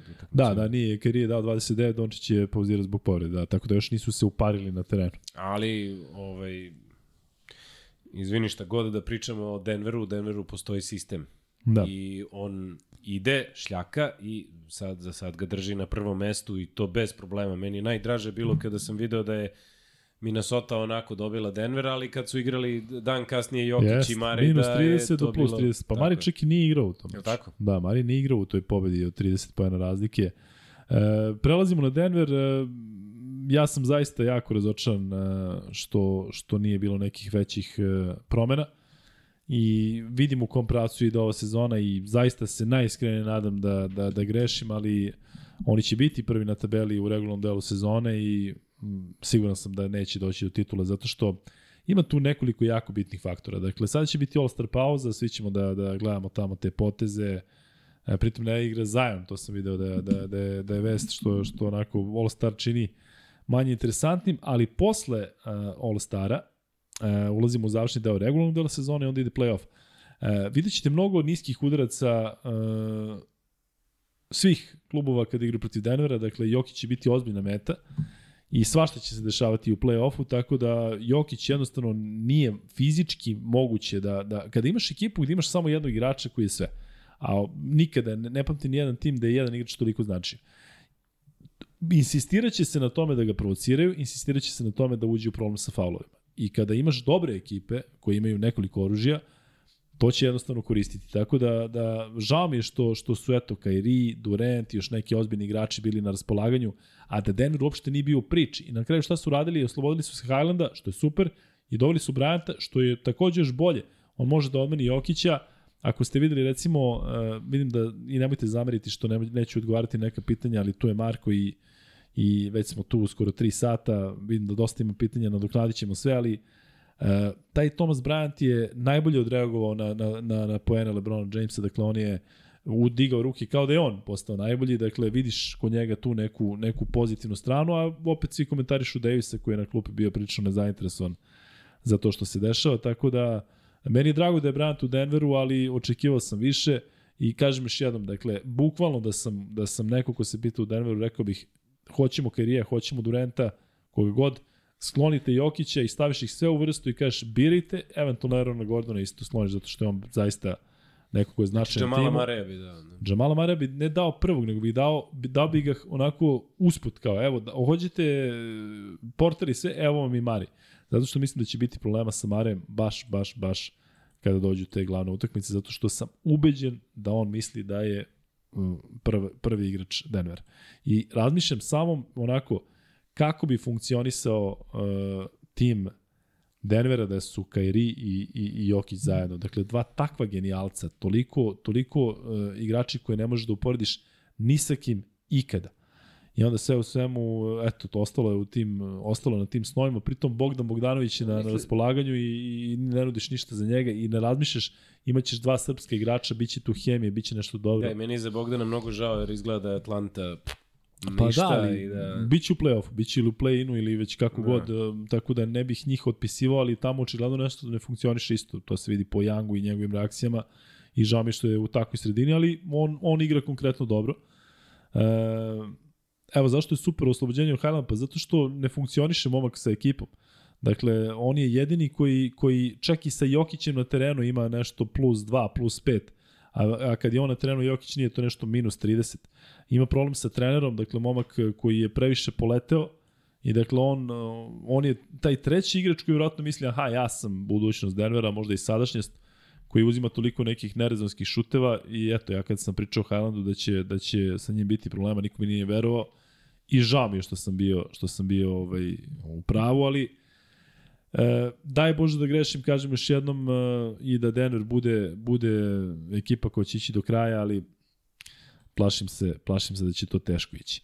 E, Marko, li imaš nešto da pomenemo u NBA ligi ili generalno imamo još jedan free bet da ispucamo i da, da pozdravimo ljude? Jel, e, hvala ti puno još jednom što si zaista izdvojio E, vreme, evo hvala vama 20 na do pozivu. 2. A, a, a znam kada ti je danas počeo radni dan, mogu stvari samo da pretpostavim, kada si počeo da razmišljaš o svemu što te čeka danas i hvala ti što si eto ušao u novi dan sa nama. Nadam se da ti je bilo Hvala vam, interesantno. tu sam, tu sam, tu sam uvek, ovaj, imam toliko nekih mnogo razmišljanja ovaj, koja ne mogu baš da ni podelim tako olako u prenosu, znaš, ni u studiju, Jeste. niti me bilo ko pita, ipak ovaj, imamo čoveka koji, koji treba da priča o tim stvarima i mnogo bolje zna da to radi i mnogo zna bolje košarku od mene, Miće Berić, jeli, koji je stručni konsultant za utakmice Partizana. I ovaj i onda ja tako nekad kad kad kad razmišljam ostane mi u glavi i ovaj onda mogu da doćem ovde da se Da, ovde si da uvek, ispovedi. uvek dobrodošao i vidiš, drugačije, jednostavno tamo Da, da. ipak moraš da budeš u okviru naravno, nekih... da. Niti imaš dovoljno da. vremena tamo da Jest, kažeš sve što a hoćeš. ovde je potpuno opušteno i zato ljudi vjerojatno to i toliko vole i evo trenutno imamo preko 2500 ljudi u live-u. Vanček, možda ugasiš ovaj pol, e, da vidimo šta ljudi kažu, da li će neko preteći Lebrona, kažu da neće niko, 53%, Luka Dončić 40% i Kevin Durant 6%. Videli ste da smo improvizovali, e, da, inače, Dave, spremam se za šišanje, ne brini ništa i jedva čekam, bit ću i više nego zadovoljan da se oćelavim ako Čovječe, bude to prvi. znači da Jokić je ono ne e, ispratio sam to ti ćeš oćela, da, Da, da se da. ošiš ako, ako Denver osvoji. Ne, ne, ako Denver bude prvi u regularnom delu sezone, A. ako Denver, a, ne znam šta da ponudim, ako Denver sve nudim, dakle sve na stolu, ako Denver bude šampion, toliko ću biti srećan da ono, a, bit ću ćela do kraja života ako je to Čekaj, potrebno. Denver će biti prvi u zapadu ili prvi, u Prvi ligi? na zapad, prvi u zapadu, biće sigurno, tako da to, sigurno. to, to ne dolazi u obzir, tako da, da ja se ćelavim, biće, biće ćela negde tamo, možda čak i ranije, pošto mislim da će obezbediti prvo mesto ovaj, nekoliko nedelja ranije, tako da to ne brinite, to vam je završeno, ali šta ćemo s Denverom u play-offu, to će biti, ovaj, biće, biće muka. Treći free bet, e, e, smo rekli da je neko šarkaški, e, ajde ovako, e, znate da smo, odnosno ako ste pratili, odlučili smo da vam preporučimo knjigu, album ili pesmu i film u svakom podcastu, pa ćemo to kombinovati ja i Kuzma, za koga se nadam da će sigurno biti ponovo u studiju od ponedeljka, ali eto, ja sam preporučio film Majstori, Majstori, nabrojite tri glumca iz tog filma, filma i e, ko prvi odgovori dobit će taj treći free bet i onda je zaista vreme da završamo. E, Marko, Kad ti sledeće nedelje, da ja znam zbog gledanja. Ponedjeljak. Ponedjeljak klasika i onda uh, četvrtak, ne verujem da ćemo ubacivati nešto dodatno, ali uh, Kad vidjet ćemo. kad četvrtak počinje kup, ili tako? Da. Tako je, da, pa vidjet ćemo u odnosu na to kad je derbi i kada je studio, studio uh, slobodan i kada može da se radi. E, tako da nema šta, ne znam što ljudi ovde govaraju 14, ne znam, kad sam postavio pitanje oko glumaca, ali evo, Larry Bird kaže Diklić, Mirjana Karanović i Berček, Vanček, jel, jel potvrđuješ da je on prvi odgovorio? To su tačni odgovori, odnosno to je troje glumaca koji su bili u Majstori Majstori legende, tako da nema šta. E, Još jednom da vam kažem da možete da, da vidite naš sajt, tamo je ujedno i shop, to je nešto što smo zajedno sa našim drugarom Veljom iz Joga otvorili i e, to je nešto što ćemo naravno promovisati u svakom podcastu. E, čuli ste Kuzmu, čuli ste Marka, Marko, imaš još nešto baš, baš za kraj? E, nemam, da, gledajte i dalje Euroligu na sport klubu, da, ne, da tako nešto kažem, ne? Da, da, da, kako završamo i prenose. Ovaj, Da. Da, je čoveče, sad e, pauza od, od, od dve nedelje, onako malo mi je to, ali kad se vratimo, tu će biti i Euroliga i, Uf. i prozor i ovaj, naradit ćete se ti i Kuzma, mislim, naradit ćemo se svi na sport klubu, to je... Hoćemo. To je, A šta sutra radiš? Sutra kažeš Monako, jel? Monako As. To jest danas. Ili da. Asov Monako, nemam pojma. A, da pazi, pitanje za tebe, za free bet. Ja radim Baskonija Žalgiris i šta radim posle toga? Jesi vidio po planu? E, nije košarka. Košarka je. Ali FIBA internacionalni kup. Jao, video sam. Da, uz, dakle... Gde se u- igra? Opet Tenerife. Igra se na Tenerifama i e, meč koji mislim da nećemo prenositi zato što nemamo gde je prvo polufinala između ovih e, um, Grand Rapidsa, ovih filijale Houstona gde igra Jared Calvert, to će biti interesantno i Brazilaca San šta god Flamengo, nije? i onda mislim da nije, a onda imamo uh, ja prenosim Tenerife Monastir. Monastir je tun, Z- ekipa iz Tunisa gde igra, igrao je Michael Roll do pre nekoliko nedelje pa je prešao u Pariz, ali ima uh, reprezentativaca Tunisa i igra Jerome Randall, tako da nisu nepoznati, ali ove, eto. E, na Sutra- Tenerifama igraju stvarno opet. e, Tamo je bio već. Opet, da, da, jeste, pa tamo je očigledno Gledao sam ono neki dokumentarac FIBA, da. o, o tim ostrovima, ludilo čoveče, nastali su ne, vulkani, mislim, tamo je veze s bila neka erupcija, da, ne, nego bila neka erupcija, mislim, naravno, ja kad gledam ovaj, emisiju o, o nečem, o ne, znam, nekom geografskom predelu, naravno razmišljam o košarci, ali bre, bila tamo prošle godine ozbiljna erupcija, ono, stvarno je, Nekad si rekao da si gledao dokumentarac o Tenerifama, a pre toga da su često domaćini rekao da ni neki Fibin dokumentarac, zašto kao tamo Ne. biraju. Ove, ali, e, da, eto, sutra od 10 sati uveče možete gledati posle Euroligije i, i FIBA internacionalni kup, a za vikend, mislim da u nedelju, da, u nedelju je final. e, finale. Jutro sam prenosio Australijance, oni ulaze u, u, u polufinale, sada igraju taj play-in turnir i tamo je interesantno, tako da eto, ima pored Euroligi još te neke košake na našim Ne, znaš što kanalima. voliš da, da radiš Australijanci? Hm? Zato što su prepodne. Obožavam. Mnogo, mnogo je lakše kad radiš, kad komentariš prepodne, Jeste. generalno svaki posao raditi nego uveče. I čini mi Nekad se... dođeš u, u 8 uveče da radiš.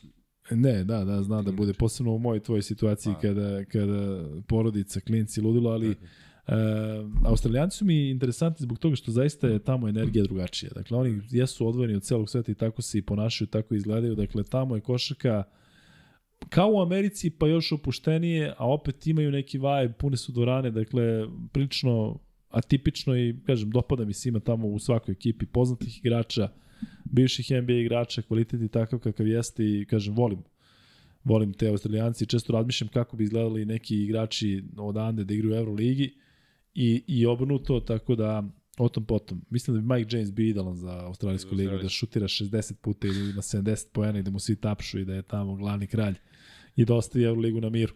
A mi ćemo završiti sa ovim uh, i ovaj podcast, dakle evo skoro 3 sata. Hvala vam puno što ste bili uz nas, velika gledanost, ali i očekivano posle e, pobeda i Zvezdi i Partizana. Sa vama smo po, po, e, ponedeljak i trebalo da imamo vrlo interesantnog gosta, tako da e, budite uz nas, možete da vidite sajt, gledajte meni i Kuzmu u nedelju uveče, ali na RTS-u, ne u podcastu. I to je to, šta da vam kažem, uživajte, vidimo se u 135-ici u ponedeljak.